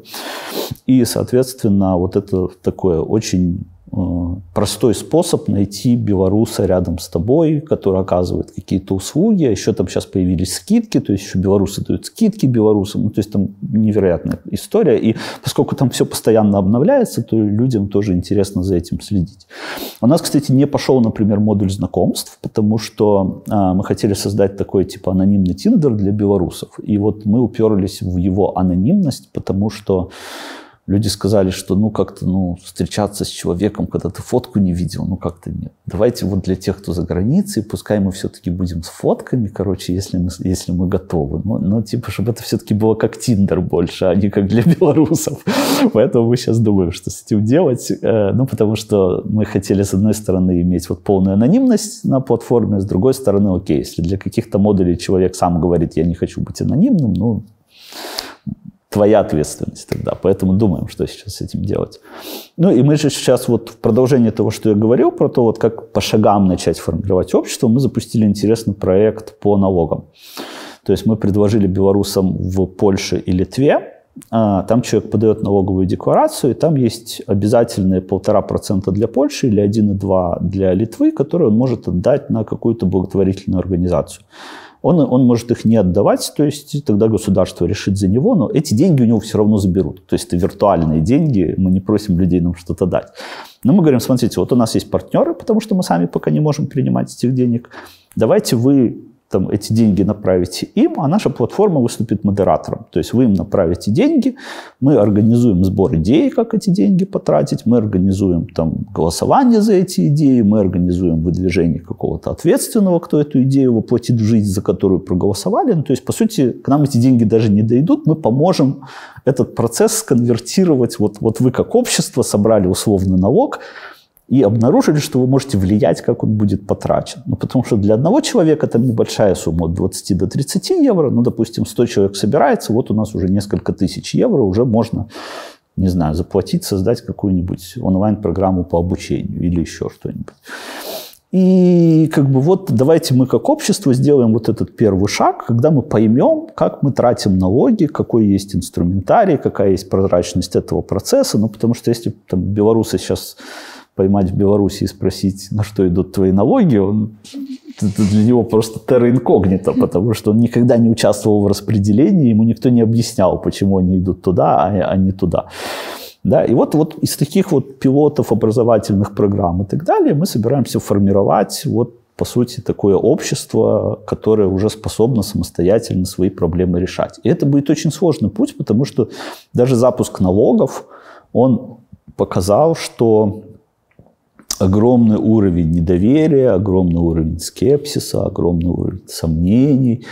И люди пишут, ага, они там сразу деньги начали собирать. Наверное, хотят купить себе виллу в Квайпеде. Я думаю, блин, чему именно Квайпед вам пришло в голову в этот момент? То есть самое смешное, что там, что там деньги такие очень маленькие, они виртуальные, как я уже сказал. Ну, то есть, ну, будет там пара тысяч. А, но идея вот как раз в том, что, окей, мы вначале все, никто не будет не верить, все будут называть нас мошенниками, будут нас во всем обвинять, но мы сделаем этот пилот на 100 человек, и когда он получится на 100 человек, то в следующий раз это будет пилот на 1000 человек. А когда это получится на 1000 человек, то все остальные, кто поймет, что что-то интересное и реальное происходит без них, они кинутся участвовать в этом.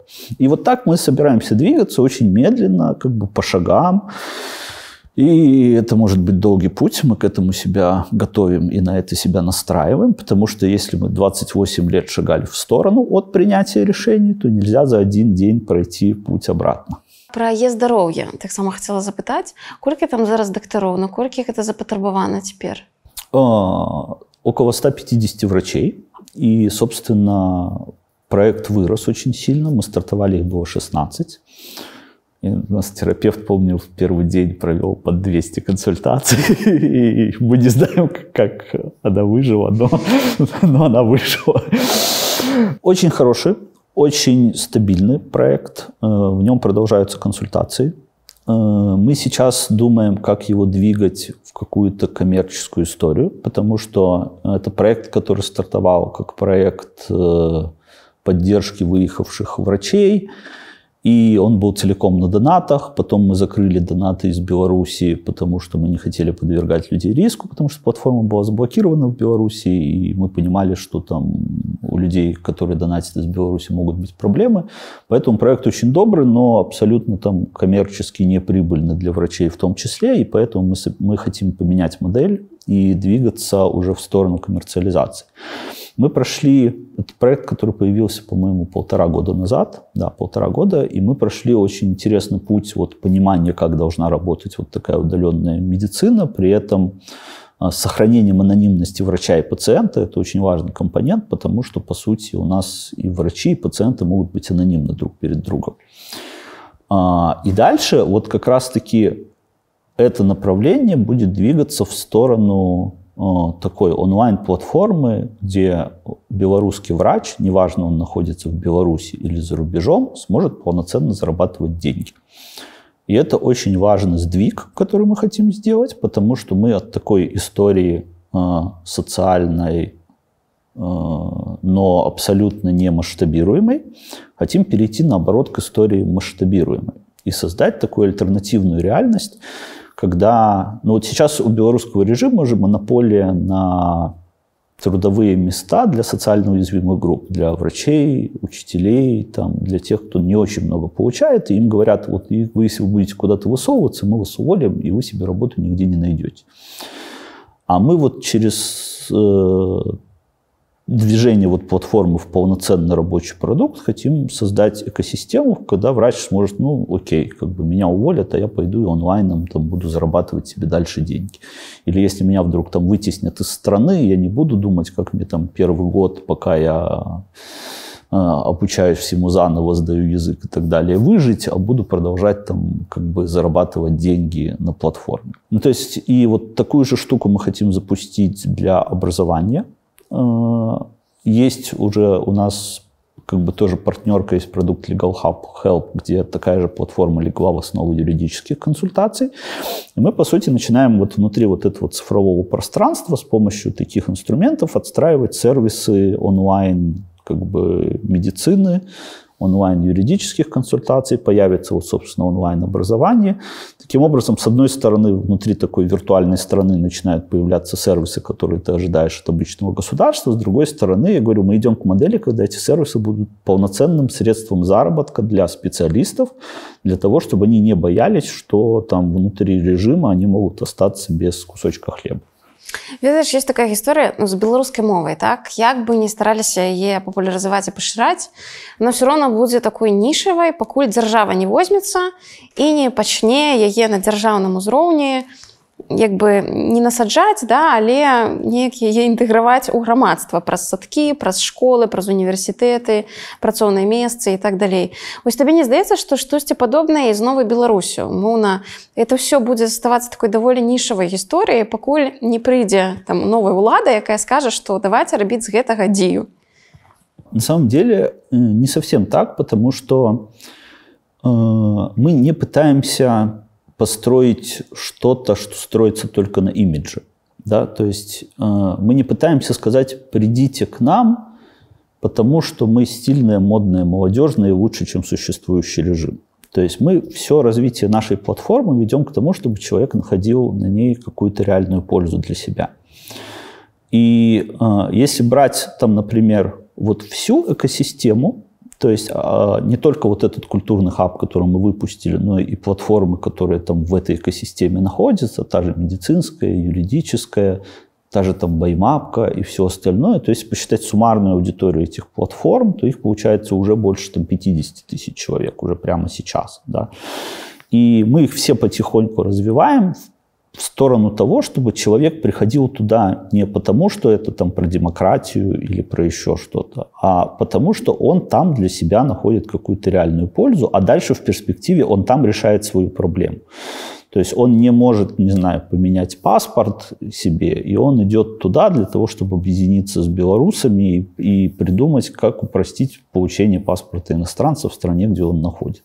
Вось ты про то и сказал, что у меня есть адчуванне, что продукт стане масавым, калі там з'явіцца магчымасць праз яго атрымліваць нейкі пашпарт і открываць рахунок банковский. Да, и, и оно идет в эту сторону. Ну, то есть я могу сказать, что, э, во-первых, мы работаем над своей собственной платежной системой, и мы бы ее уже и выпустили. Но из-за того, что началась война, как бы очень многие партнеры перестали с нами работать, а часть партнеров просто очень сильно все замедлила, потому что теперь любое действие требует множества верификаций из их legal department, э, можно ли работать с белорусами. Да? То есть и мы идем в сторону своего собственного а-ля революта. Ну, револют просто ролевая модель, да, то есть как бы мы нашли партнера, финтех, с которым вместе с нами готов там, был запускать продукт. И вот сейчас мы с ними вот как раз юридические вещи все пытаемся дотрясти, потому что технически мы уже готовы. Как бы мы идем точно так же в сторону там, цифрового identity, который поначалу будет исключительно там, внутренним логином между системами, а дальше может трансформироваться в какой-то документ при условии, что там офис Тихановской там дожмет тему вот со своим прототипом физического паспорта. Да, то есть, но даже если не дожмет, то мы понимаем, что можно там использовать паспорта иностранца или другие артефакты. А, опять же, вот это взаимосвязанная история. То есть, когда ты приходишь в любую крупную организацию или там в Евросоюзе куда-нибудь и говоришь, что вот белорусы хотят, там говорят, окей, а сколько вас, где вы собраны и как вы выразили свою хотелку, через что, где вот это эфемерные белорусы хотят, потому что вот почему-то мы слышим, как там украинцы хотят, или мы слышим, как там еще кто-то хочет, а вот белорусов мы не слышим. Вот в прошлом году Тихановская приезжала, она что-то рассказывала, но она уехала, и все, и мы, и мы забыли. И вот как бы для того, опять же, если мы хотим, чтобы там кто-то для нас что-то сделал, нам самим для начала нужно что-то сделать. Это очень важная взаимосвязь, которую уже кто-то начал понимать, просто потому что пришла безысходность, и человек понял, что а, а вариантов других нет. Да? Кто-то еще не начал, но как бы скоро поймет, потому что безысходность придет и к нему. То есть и таким образом вот, вот мы хотим свой паспорт, отлично, значит, нам нужно явиться там в составе миллиона человек с, представителями, которые выражают наше мнение, отстроенными пусть даже в цифровом пространстве, это сейчас всех устроит, да, и о чем-то заявить а не... То есть, если кто-то написал в Твиттере, что ему нужен новый паспорт, это не политическое заявление. Не факт, что его увидят в Брюсселе, факт, что его там не увидят. Хочу у працяг тэмы привесці твою цытату. Беларусы заўжды спадзяюцца, што хтосьці вырашыць іх праблемы. Цяпер Украіна, а трэба рашаць праблемы самім. Але слухай, ну улічваючы кантэкст, вайну, да, Пуціна. Ну вось як беларусы могуць самі вырашыць свае праблемы. Ну, вот мы обсуждали про 4000 человек, которые потенциально могут решить. А может быть, нет. А может быть, их нужно 10 тысяч. А может быть, нужно пойти другим путем. Проблема в том, что э, мы не можем даже дойти до стадии формулирования проблемы и выбора пути решения сейчас. Мы просто ждем, что что-то произойдет. Вот мы сидим и думаем, блин, вот, короче, самолет посадили, санкции ввели, а, короче, Лукашенко устоял. Непонятно. Ждем дальше. О, Украина. Украина нам поможет. О, что-то Украина нас теперь считает говном. Может и не помочь. Сидим, ждем дальше. Мы можем так ждать столетиями, пока белорусы не исчезнут как нация. Я просто, на самом деле, вот когда говорю, белорусы не исчезнут как нация, у меня просто тут своя личная небольшая травма. Мы когда запустили платформу, к нам пришли представители там сразу несколько вот различных, там, назовем их малых народностей, как бы и они рассказали, что вот их, их, их народности во времени практически исчезли, они сейчас там ищут способ э, собрать там то, что осталось в цифровом пространстве, помогать как-то этим людям, там, восстанавливать как-то горизонтальные связи и так далее. И, ну да, завтра белорусы не исчезнут, но лет через 50 вполне себе могут, если там Россия выстоит, продолжит там дальше влиять на Беларусь, а мы дальше будем ждать, что что-то произойдет. Ну вот все произойдет, нас больше не будет. А ты можешь сказать, какие народности звертались? Не хотел бы в публичном пространстве, ну потому что как бы это такие разговоры очень чувствительные.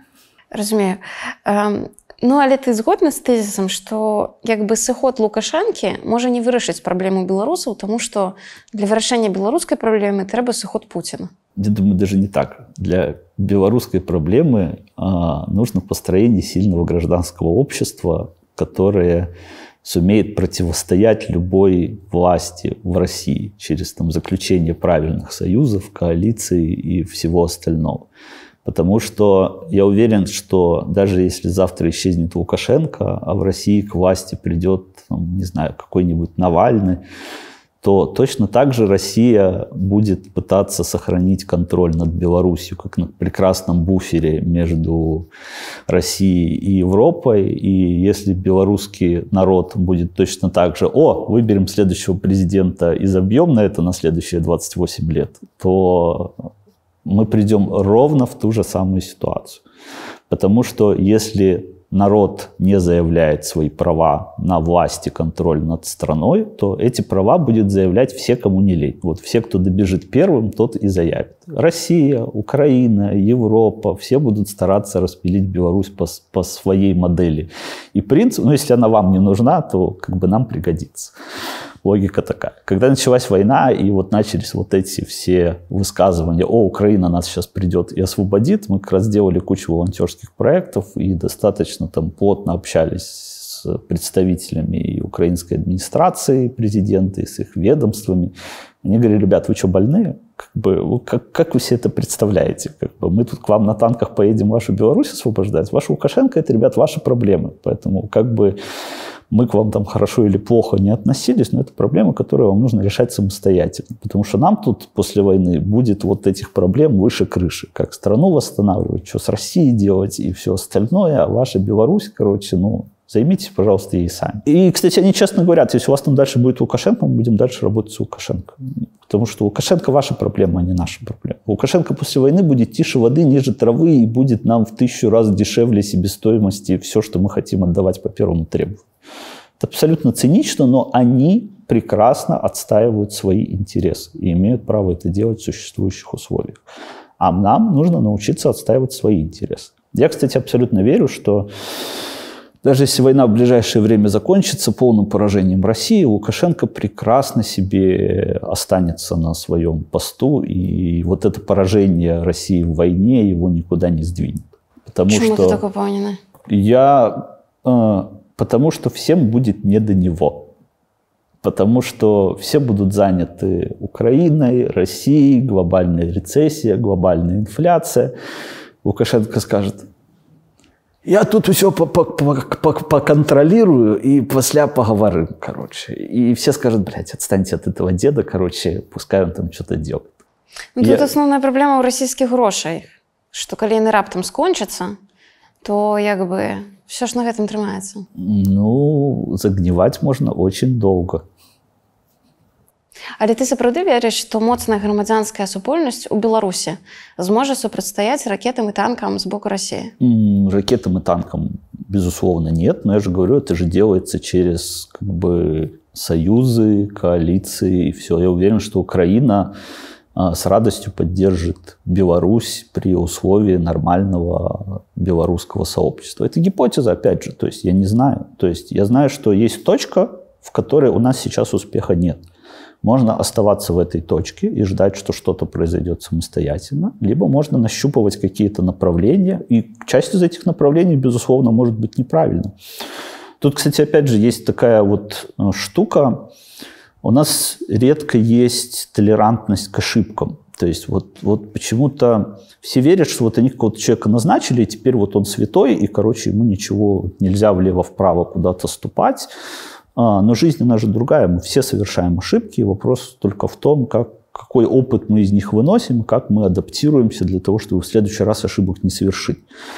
И когда мы говорим про такую сложную вещь, как построение гражданского общества, о, это будет миллиард этих ошибок в процессе, как бы мы будем косячить, мы будем выбирать не тех кандидатов, они будут давать не те обещания, мы будем учиться это все делать заново это путь, как бы, и на этом пути нужно в том числе учиться быть толерантным к ошибкам. Поэтому, когда я говорю, что вот я верю, да, да, я верю, и, э, ну, потому что история как бы подтверждает, что действительно сильное гражданское общество способно противостоять внешним угрозам, но путь к этому сильному гражданскому обществу, он, безусловно, может быть очень тяжелым, с ошибками, и к этому надо быть готовым. Ты приклал руку до створения цудоўнага проекта «Мапа Help Me», Гэта праект, у якім людзі пакідаюць свае каардынаты на карце, гатовыя дапамогчы украінцам, хто жытлом, хто грашыма, хто ежай, хто псіхалагічнай дапамогай і так далей і так далей. І гэты праект з'явіўся праз суткі пасля пачатку вайны. Ты можаш прыгадаць, як, якія гэты былі суткі для цябе? О, это были тяжелые э, сутки, и А, я очень хорошо помню эту ночь, потому что там произошло интересное стечение факторов. У нас ночью вот сработала пожарная сигнализация, поэтому мы проснулись под рев пожарной сигнализации над головой. А сработала она просто вот случайно. У нас стоит увлажнитель воздуха, то ли он принял пар этого увлажнителя за дым, то ли еще что-то. Но вот срабатывает пожарная сигнализация, ты открываешь новости и читаешь, что началась война. И у тебя вот эти два фактора, ты думаешь, что уже ракеты летят на Вильнюс. Потом ты понимаешь, что это все-таки пожарная сигнализация, как бы. Э, и, и да, и ну, понятно, что уже там никто не спал дальше. А, и практически утром а, стало понятно, что огромное количество людей выезжает, и ну, нужен какой-то инструмент, чтобы состыковать там а, беженцев и людей, которые готовы помочь. А с другой стороны, там, ну, понятно, в самой Украине айтишники не сядут прямо с утра сидеть и кодировать, потому что ну, условия не те, полная неразбериха, ничего не понятно. А у нас есть там баймапка, как, по сути, продукт, который делает очень похожие вещи. И мы с командой Баймапка просто сели, и вот меня там этот проект там чуть спас, потому что пока там все упали на эмоциональное дно, как бы у нас команда понимала, что окей, у нас есть задача, ее надо срочно сделать, и ты просто выбрасываешь все мысли, как бы, и сидишь и фигачишь, чтобы через сутки у тебя вышел продукт. И там, я помню, в первый месяц было 250 тысяч посещений, короче, типа 60% из Украины. И такой прям очень полезно вышел продукт вот именно для таких первых дней. Как ты зараз воспринимаешь то, что в Украине поширается белорусофобия? Я думаю, что это ожидаемо. Ну, то есть, ну, то есть, смотрите, если бы, если бы из Украины бомбили мою страну, я бы не разбирался, кто там оппозиция, а кто там не оппозиция. Поэтому эмоционально я очень легко могу войти в их положение. При этом, э, безусловно, я... Я, кстати, не могу сказать, что я там чувствую какую-то вот прям очень сильную парализующую меня вину. Какую-то часть вины, да, чувствую, потому что я считаю, что где-то я, как часть общества, не доработал, что у нас есть Лукашенко, который сейчас вместе с Путиным бомбит Украину.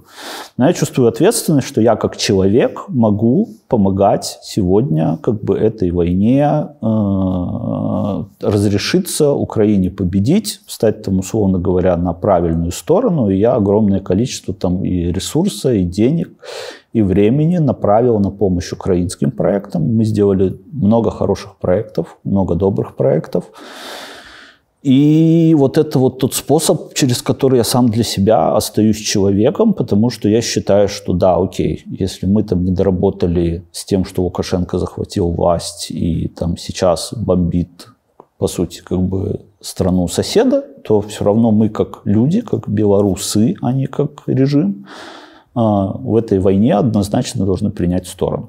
То есть, чего я не понимаю, это когда люди сторону не принимают. Когда они говорят, все не так однозначно, всей правды мы не знаем, а 8 лет бомбили Донбасс, а я лучше ничего не буду делать, посмотрю, что там, что там будет происходить. Вот этой позиции я всегда не понимаю. Для меня там а, я там позицию какого-нибудь человека, который говорит, я за Путина, как бы вот она мне более понятна, чем позиция человека, который говорит, я типа ни в чем не разбираюсь и не хочу в это вникать. Потому что вот именно из людей, которые я ни в чем не разбираюсь и не хочу в это вникать, как бы, я, кстати, сам был таким же человеком, я это всегда признаю, как бы у нас сегодня есть лукашизм в Беларуси. Ты приводил как позитивный приклад існування онлайн-сервиса державных паслуг в Украине, який называется Дія. Але я хочу з табой паразважаць пра ўразлівасці гэтай сістэмы тому што зараз напрыклад у сітуацыі вайны у сітуацыі калі варожая дзяржава стараецца знайсці любую разлівасць каб пакласці сістэму каб скрасці асабістыя дадзеныя каб выкарыстаць гэта супраць Украіны зараз.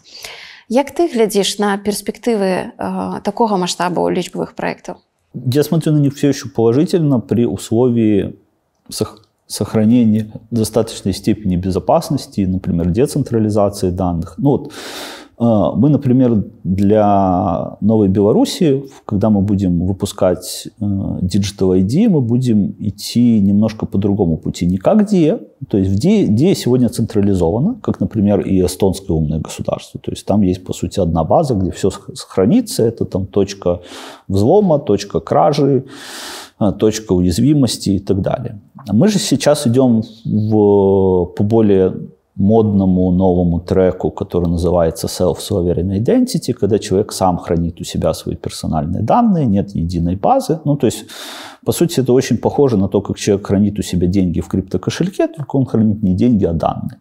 И вот он носит их с собой, и, соответственно, нет какой-то точки, где они все хранятся в одном месте. И каждый раз, когда человек взаимодействует с любой системой, она ему сообщает, какие данные она из его кошелька запросит, а он соглашается или не соглашается эти данные предоставить. То есть человек понимает, какие данные он кому сообщает, в каком объеме и так далее. И вот это такой модный трек, его сегодня очень активно продвигают в Евросоюзе на то, чтобы там проявить больше уважения к персональным данным и к безопасности, и чтобы Евросоюз тоже перешел на такую децентрализованную систему. Понятно, это встречает очень множество противников, особенно среди государств, где все-таки государство привыкло контролировать своих граждан и прочее, прочее. Поэтому там для Евросоюза, я уверен, эти переговоры займут минимум минимум лет там 10-15. А, Дия, кстати, уже публично объявляла, что они хотят, э, то, что они думают тоже про переход на такой децентрализованный. Ну, Украина это займет быстро, потому что у них быстрое время принятия решений, хорошие команды над такими вещами работают. Как бы поэтому мы у себя в Новой Беларуси тоже сразу идем по вот этому там, более современному треку. И в принципе это хороший трек, когда и на уровне данных, и на уровне данных человека, и на уровне данных платформ. Это все превращается в такую децентрализованную систему, которую гораздо сложнее взломать, украсть или что-то с ней сделать. Но дальше же мы всегда приходим к тому, что я тоже уже говорил, что любая технология, она может быть использована как угодно и кем угодно. Да? И там Facebook, который абсолютно прекрасная мирная социальная сеть в демократических странах, я уверен, в какой-нибудь Северной Корее станет инструментом тотального контроля над людьми, их высказываниями и всем остальным. Поэтому судьбу этой технологии определяют люди, как бы, и, собственно, всегда нужно инвестировать в людей и их понимание, и их образование, а не в технологии. Як ты ставишься до ідеї проведення виборів онлайн? Позитивно. Во многих странах это уже стало нормой, и, в принципе, это удобно, это просто. Из этого не нужно делать таинство. Там нет ермошной.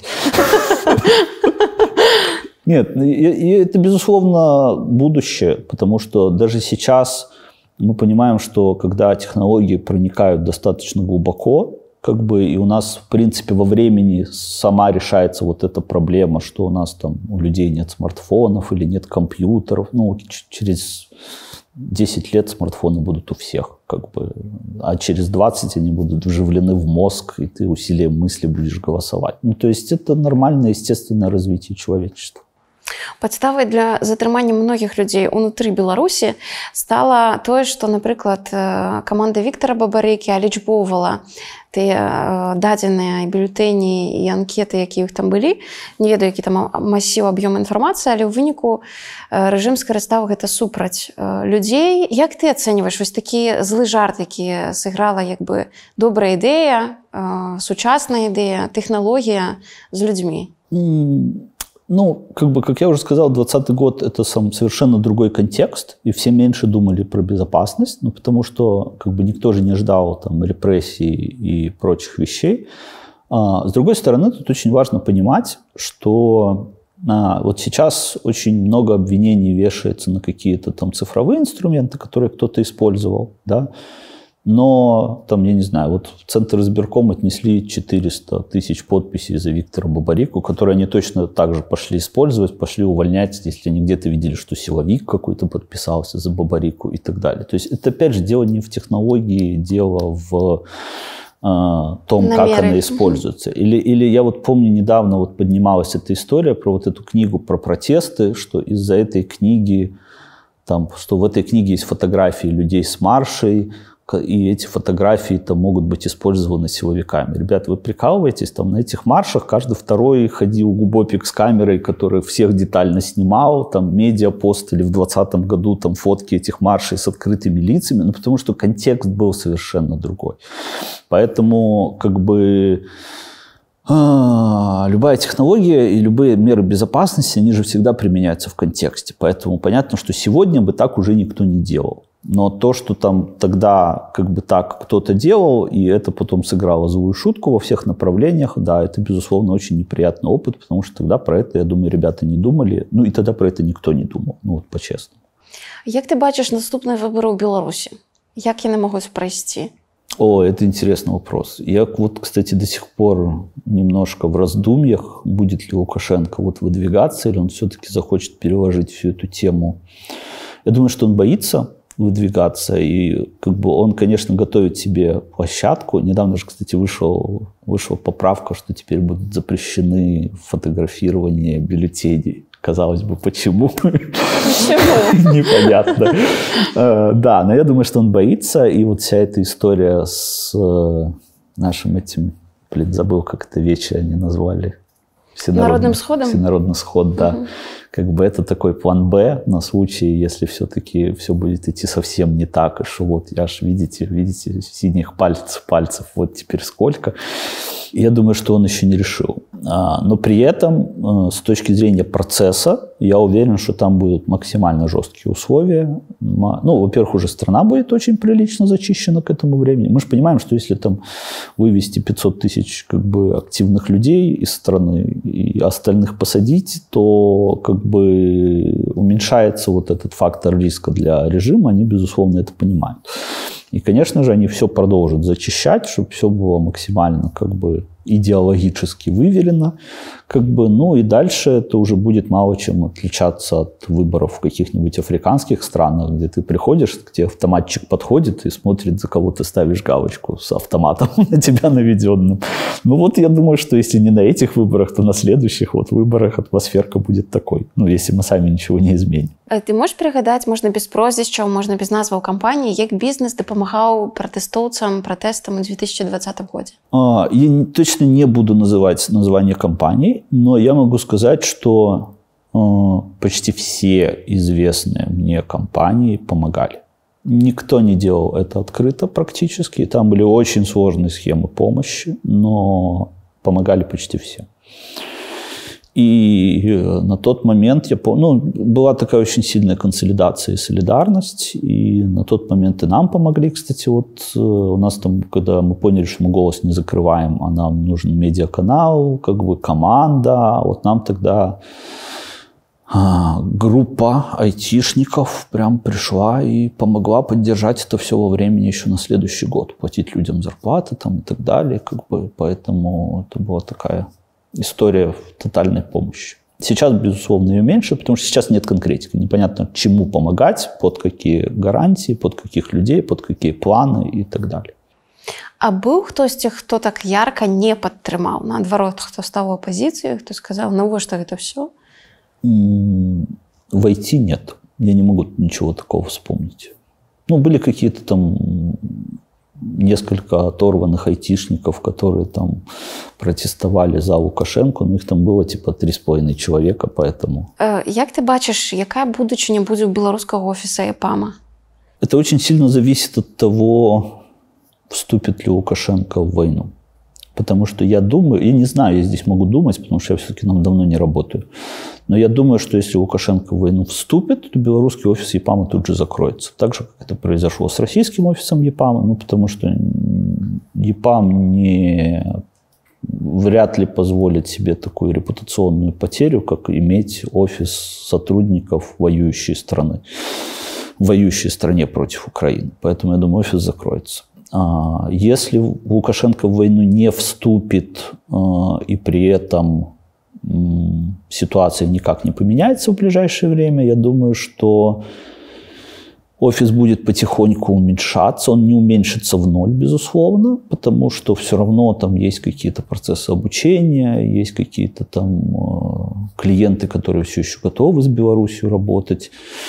А, но при этом я не ожидал бы там какого-то роста и развития, потому что если раньше белорусский офис был самым большим, то сейчас он уже там на третьем или четвертом месте. Э, ты разумееш адкуль пайшло вось гэтая практыка сілавікоў прымушаць затрыманых на відэа агучваць свае заробкі маўляў чым больше заробак тым большая вина человека я думаю что это как раз таки вот культивируемой в народе позиции, что человек, который много зарабатывает, обязательно, короче, это все украл или нечестный, или коррупционер. И это, вот это поразительно для меня факт, потому что э, проводились глубинные интервью среди айтишников в Беларуси, это был 17 или 18 год, и большинство айтишников озвучивало, что они стесняются говорить, что они айтишники, потому что это вызывает к ним ненависть. То есть сразу, а, так это ты много зарабатываешь, так может заплатишь за мой коктейль, тебе-то что, ты же богатенький, короче. А, это удивительно, потому что Похожие интервью проводились, например, в соседней Украине, и там было наоборот, то есть там вот человек, который много зарабатывает, он вызывает какое-то уважение. Неважно, кстати, как он заработал, это, друг, это другая особенность, мы не будем ее трогать, да. Но, типа, ты вот молодец, вот как ты исхитрился и заработал много денег. Вот гордимся. Вот там вся наша деревня тобой гордится. В Беларуси нет. В Беларуси вот это вот типа я последняя буква в алфавите, надо быть скромным, надо не высовываться, типа надо там как бы, а то ты много так коммерсант, что ли, короче. И вот от этого надо отходить, потому что э, для формирования здорового общества очень важно понимать, что там любая работа стоит денег, что получать много гораздо лучше, чем получать мало, что там э, на пенсии путешествовать по Европе, как это делают все европейцы, гораздо лучше, чем сидеть и копить на лекарства, короче. Ну, то есть нужно как-то учиться жить нормальной жизнью и понимать, что это норма, которой живет на самом-то деле огромное количество стран. То есть, и что к этому, для того, чтобы к этому стремиться, нужно научиться уважать как бы чужой труд, чужой заработок и самому стремиться быть таким же Зараз яшчэ людзей кашмарыць за данаты.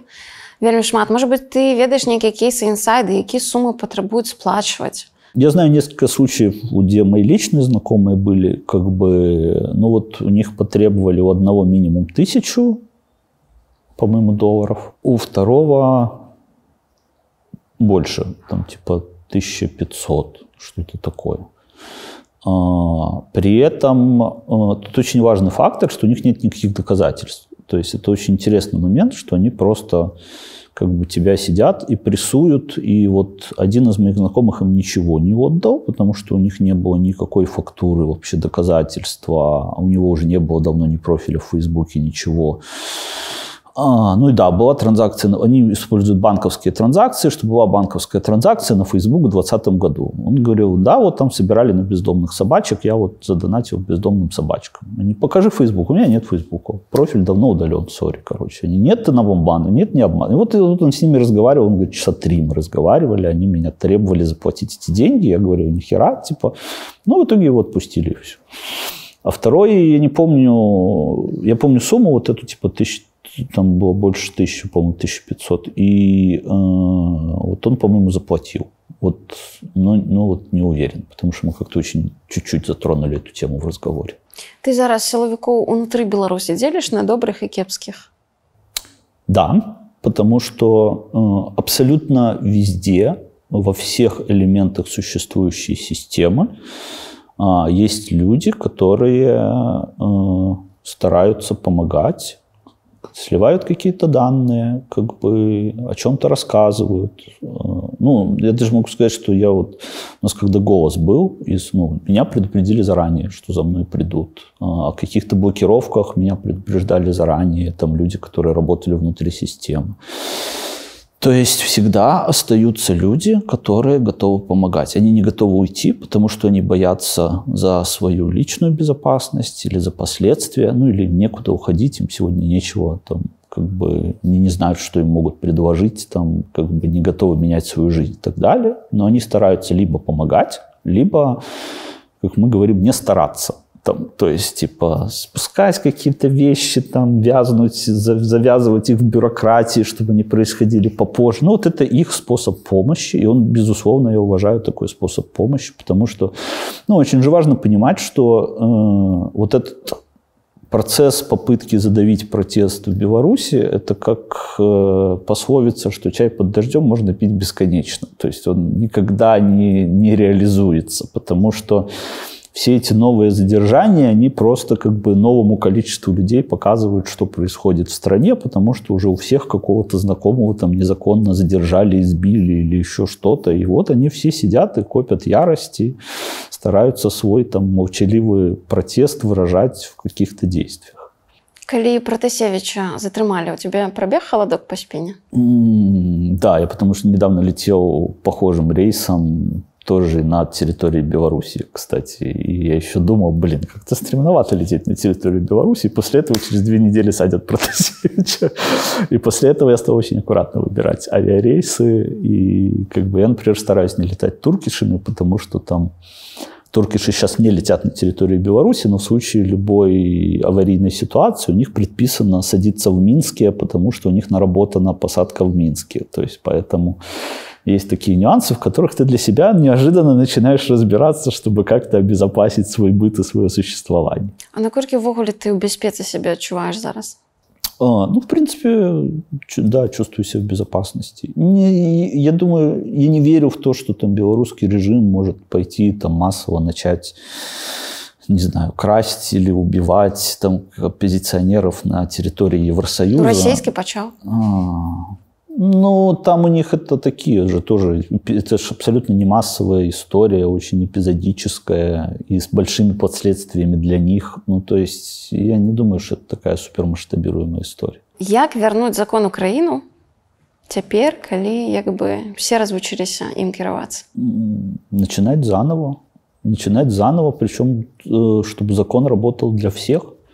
Ну, это вот, кстати, было в модели Сингапура. То есть как вот у них там были китайцы, которые там не чтили никакого закона и так далее. Надо было с нуля из такой смеси общества, мультинационального, преимущественно китайского, построить государство, которому все доверяют. Ну и там за коррупцию даже ближайших родственников сажали без, без раз, ну просто как бы неважно, кто ты, на какой-то должности, чей ты родственник, как бы, и когда народ понял, что закон работает для всех, то очень резко все улучшилось в стране. И также должно быть и как бы в Беларуси, потому что у нас же принято, что как бы там врагу закон, да, а себе как бы дружба и все остальное.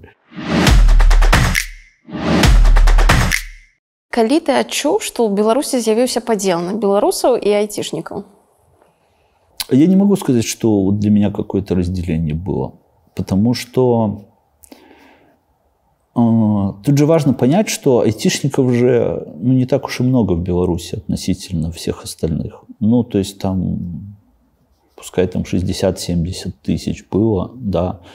То есть, ну, когда ты сидишь в баре, то там люди справа и слева от тебя могут быть кем угодно, потому что, ну, хватало способов заработать деньги в Беларуси в разных профессиях. Просто айтишники почему-то стали таким, типа, как бы фокусом внимания. Хотя на самом деле, с точки зрения даже вот статистики, я не могу сказать, что можно было делить людей там на белорусов и айтишников. И большинство айтишников были абсолютно обычными людьми, которых ты там никогда в жизни не выделишь э, среди всех остальных. Ці справядліва гэта што настаўнік у беларусі зарабляе 300-400 даляраў а студэнт праграміст можа ўжо мець і тысячу дзве калі пастараецца Это несправедливо, но не потому, что студент получает много, а потому, что врач или учитель получает мало. И это, вот тоже очень важно, потому что почему-то а, ну вот во всех этих наездах на айтишниках их высокие зарплаты вот ставятся как что-то плохое. А плохое – это низкие зарплаты учителей и врачей, потому что во всех остальных странах нет никакой дифференциации. Вот Приезжаешь в Польшу, и там врач и айтишник получает нормально, как бы сопоставимо. Приезжаешь в Испанию, врач и айтишник получает сопоставимо. То, что в Беларуси у них такая разница, это не проблема того, что айтишник получает много, это проблема того, что врач получает мало. Как ты думаешь, можно будет неяк гэтую колоссальную разбежку выровнять у, у, в умовах Беларуси? Я в этом уверен. И это придется делать, потому что в здоровом обществе не должно быть таких разбросов. Ну, то есть э, профессии там таких, такие профессии, как там учителя, врачи, то есть они же ценятся во всем мире, это привилегированная профессия. То есть почему у нас это там социально уязвимая группа? То есть это же ненормально. И да, безусловно, эта штука должна выравниваться. Но это она не должна выравниваться не в сторону того, чтобы всем нужно срезать зарплаты. Она должна выравниваться в сторону того, что все должны начать жить лучше. Белорусские айтишники сумуют по сырках белорусских. Ты это сумуешь? миф. Это, это, это неправда, потому что все эти срачи в чатах все равно заканчиваются тем, что «А, ну ладно, ну в Польше тоже нормально». Ну, ну вот я литовский попробовал, тоже ничего. Слухай, ну у паблику есть такое, не знаю, ўжо ўражанне, да, что белорусские айтишники постоянно ныюць. То сервис не той, то сырки не тыя, там яшчэ продуктов не хапае. Чему, чему так? Не знаю. Я знаю, что есть такие ностальгические вещи. Ну, вот я, например, в Калифорнии, когда там со знакомыми встречаюсь, они такие, вот тут нет там творога или полиндовицы или еще чего-то, и мы себе-то у нас там в гараже на подземной парковке мы себе творог делаем. Короче, не знаю, почему в таких условиях это просто прямая, прямая цитата. Как бы, а, ну, то есть есть какие-то ностальгические вещи, но им подвержены все.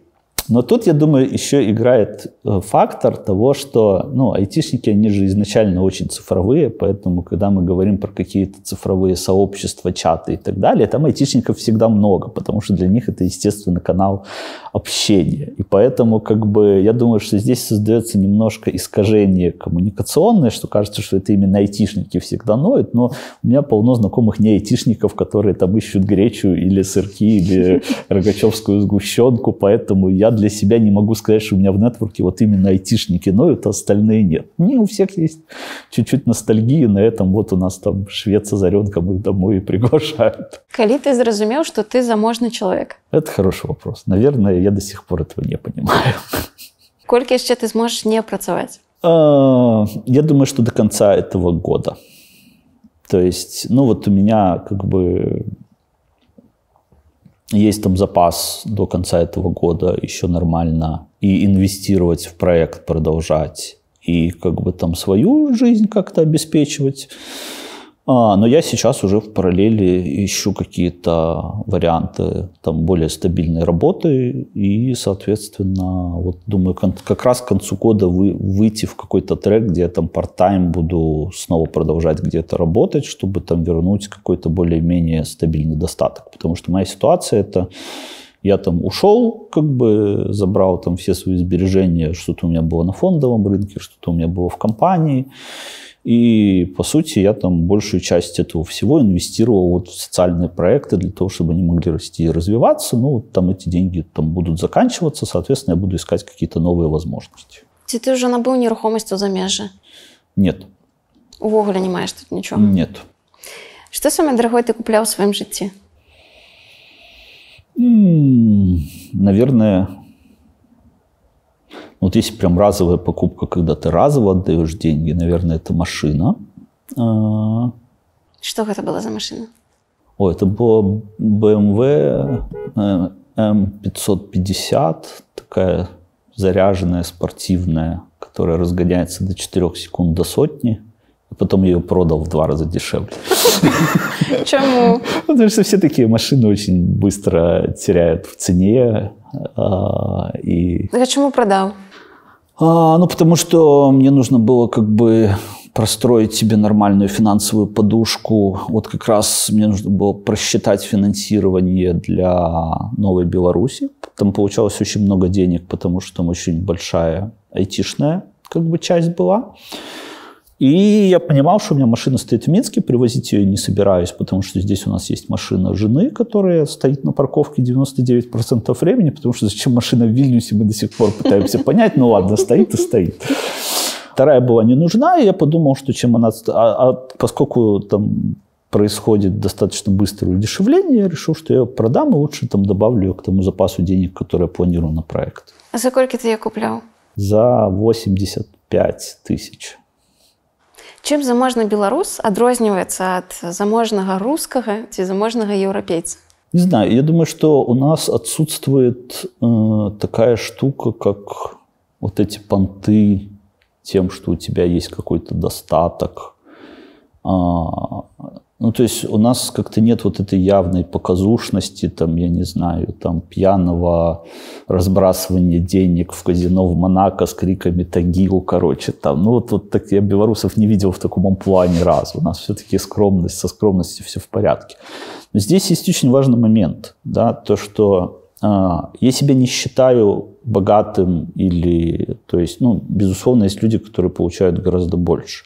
Более того, я, считаю, что вот там мой уровень достатка, когда я мог купить, я, кстати, не покупал как бы вот, большинство вещей там за раз, я, я там брал кредиты или лизинг или еще что-то, но а, я считаю, что это как раз-таки то, как вот может жить врач в Испании. Он, он может купить себе машину за 85 тысяч. Да, с кредитами, но это не будет для него неподъемной покупкой. Очень важный момент. Да? То есть, и мне очень хочется, чтобы мы пришли к тому обществу, когда люди смогут покупать себе недвижимость, машины и все остальное, иметь долгосрочное планирование, брать эти там кредиты под 1% на 30 лет, как это происходит в нормальных странах. Вот к этому нам нужно приходить. Потому что пока мы там всех делим на О, богатый, не богатый, как бы вот мы точно в этот момент никуда не придем. У вас недавно с Маргаритой Левчук вышел клип на песню «Мурка по-белоруску». Вы там у дуэце з'явіліся ўпершыню. И у комментариях, я почитала комментарии под э, клипом. Там было пишут, 80% что, комментариев, где паук. Что Липер подседил паука. Что ты на это откажешь? И разгромный скандальный материал нашей Димы вышел по этому поводу.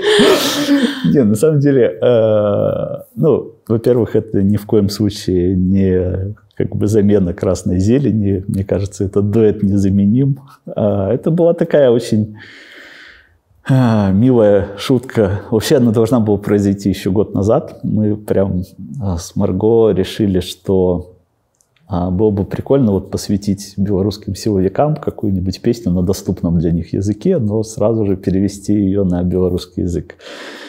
И мы даже начали репетировать, и началась война. И, короче, стало всем понятно не до этого. И сейчас мы снова вернулись там, к этой идее вот перед 23 февраля.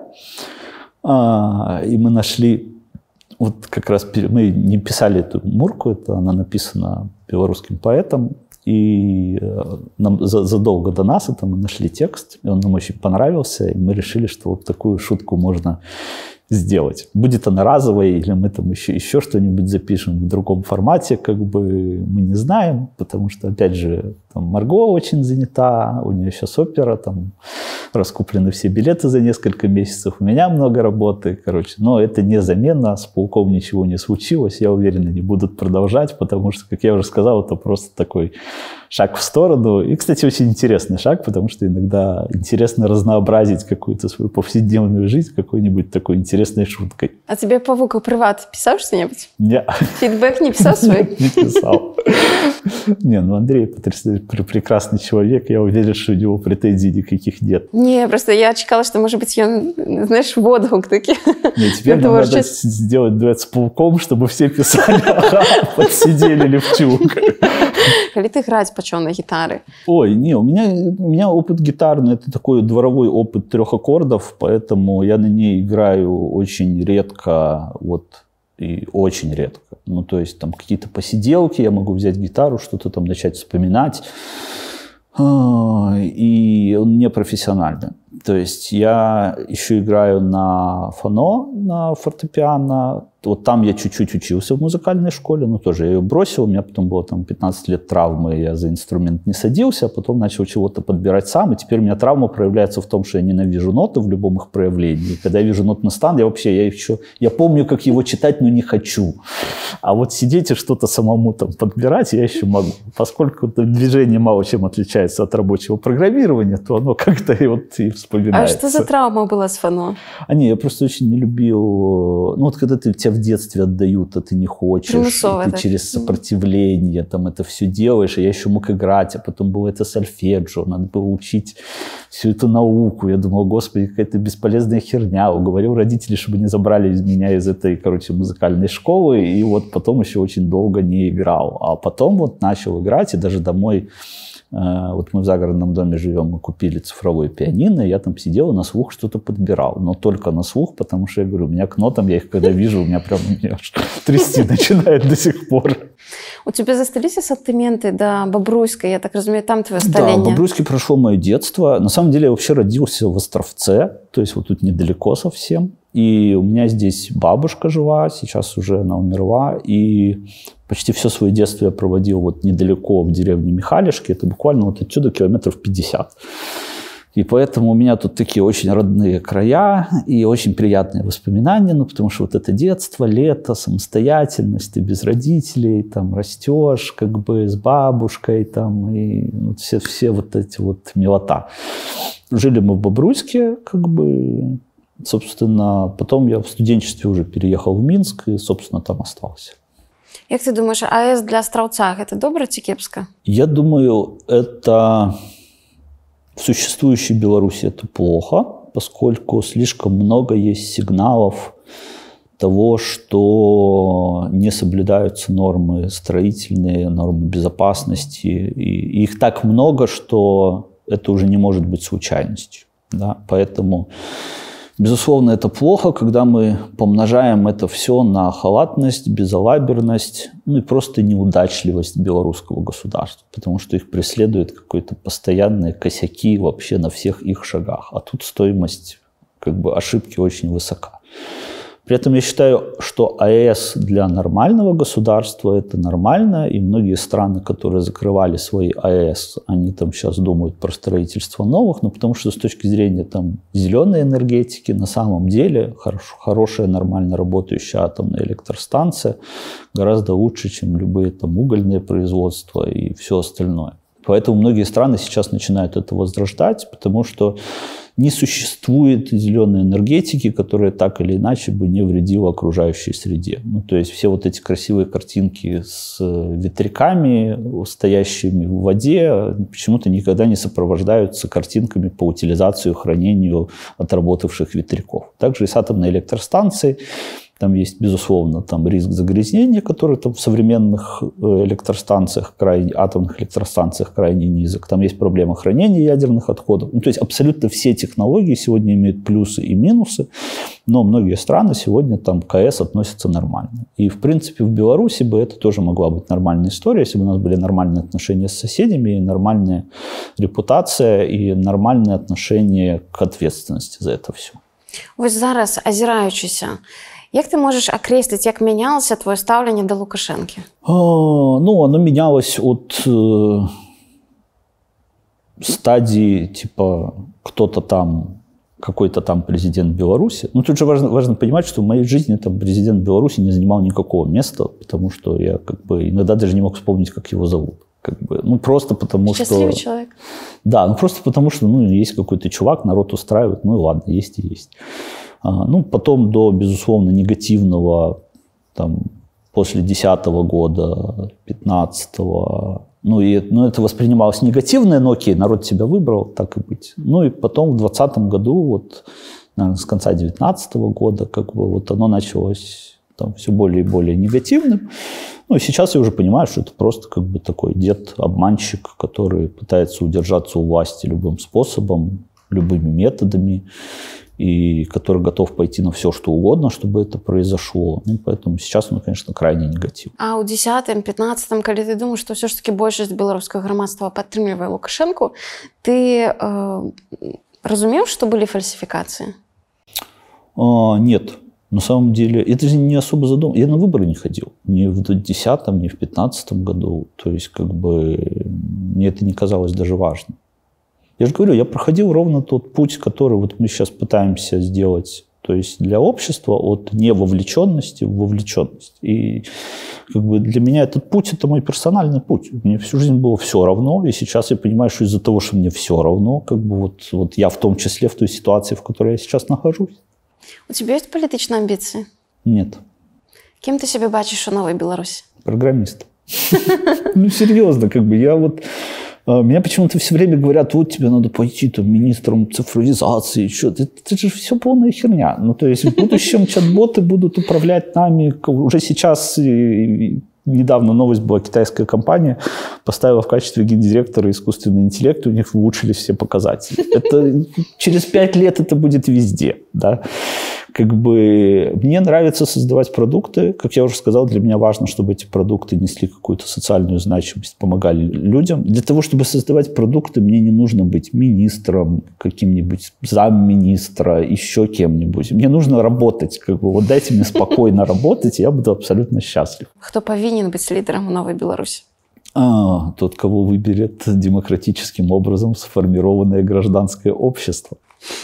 Но, опять же, для того, чтобы это произошло осознанно, то есть это общество должно понимать, что это и их ответственность в том числе. Потому что худшее, что может произойти, это то, что Следующий популист, который поездит людям по ушам и пообещает решать всех, все их проблемы за них, просто станет новым Лукашенко, и мы будем снова сидеть в этих креслах через N лет и обсуждать, где мы свернули не туда.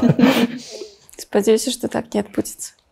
Дякую тебе за размову. Спасибо. Спасибо за интересные вопросы. На самом деле очень интересные. Очень редко мне их задавали, поэтому я прямо вот чувствовал внутренний восторг от этой беседы. Класс. Дякую великий. Сябры дзякуй што даглядзелі гэтае відэа да канца. Гэта сапраўды вельмі высокая ацэнка таго што мы робім. Дзякуй што вы з намі подписывайтеся на канал каб глядзець новыя выпускі на канале ток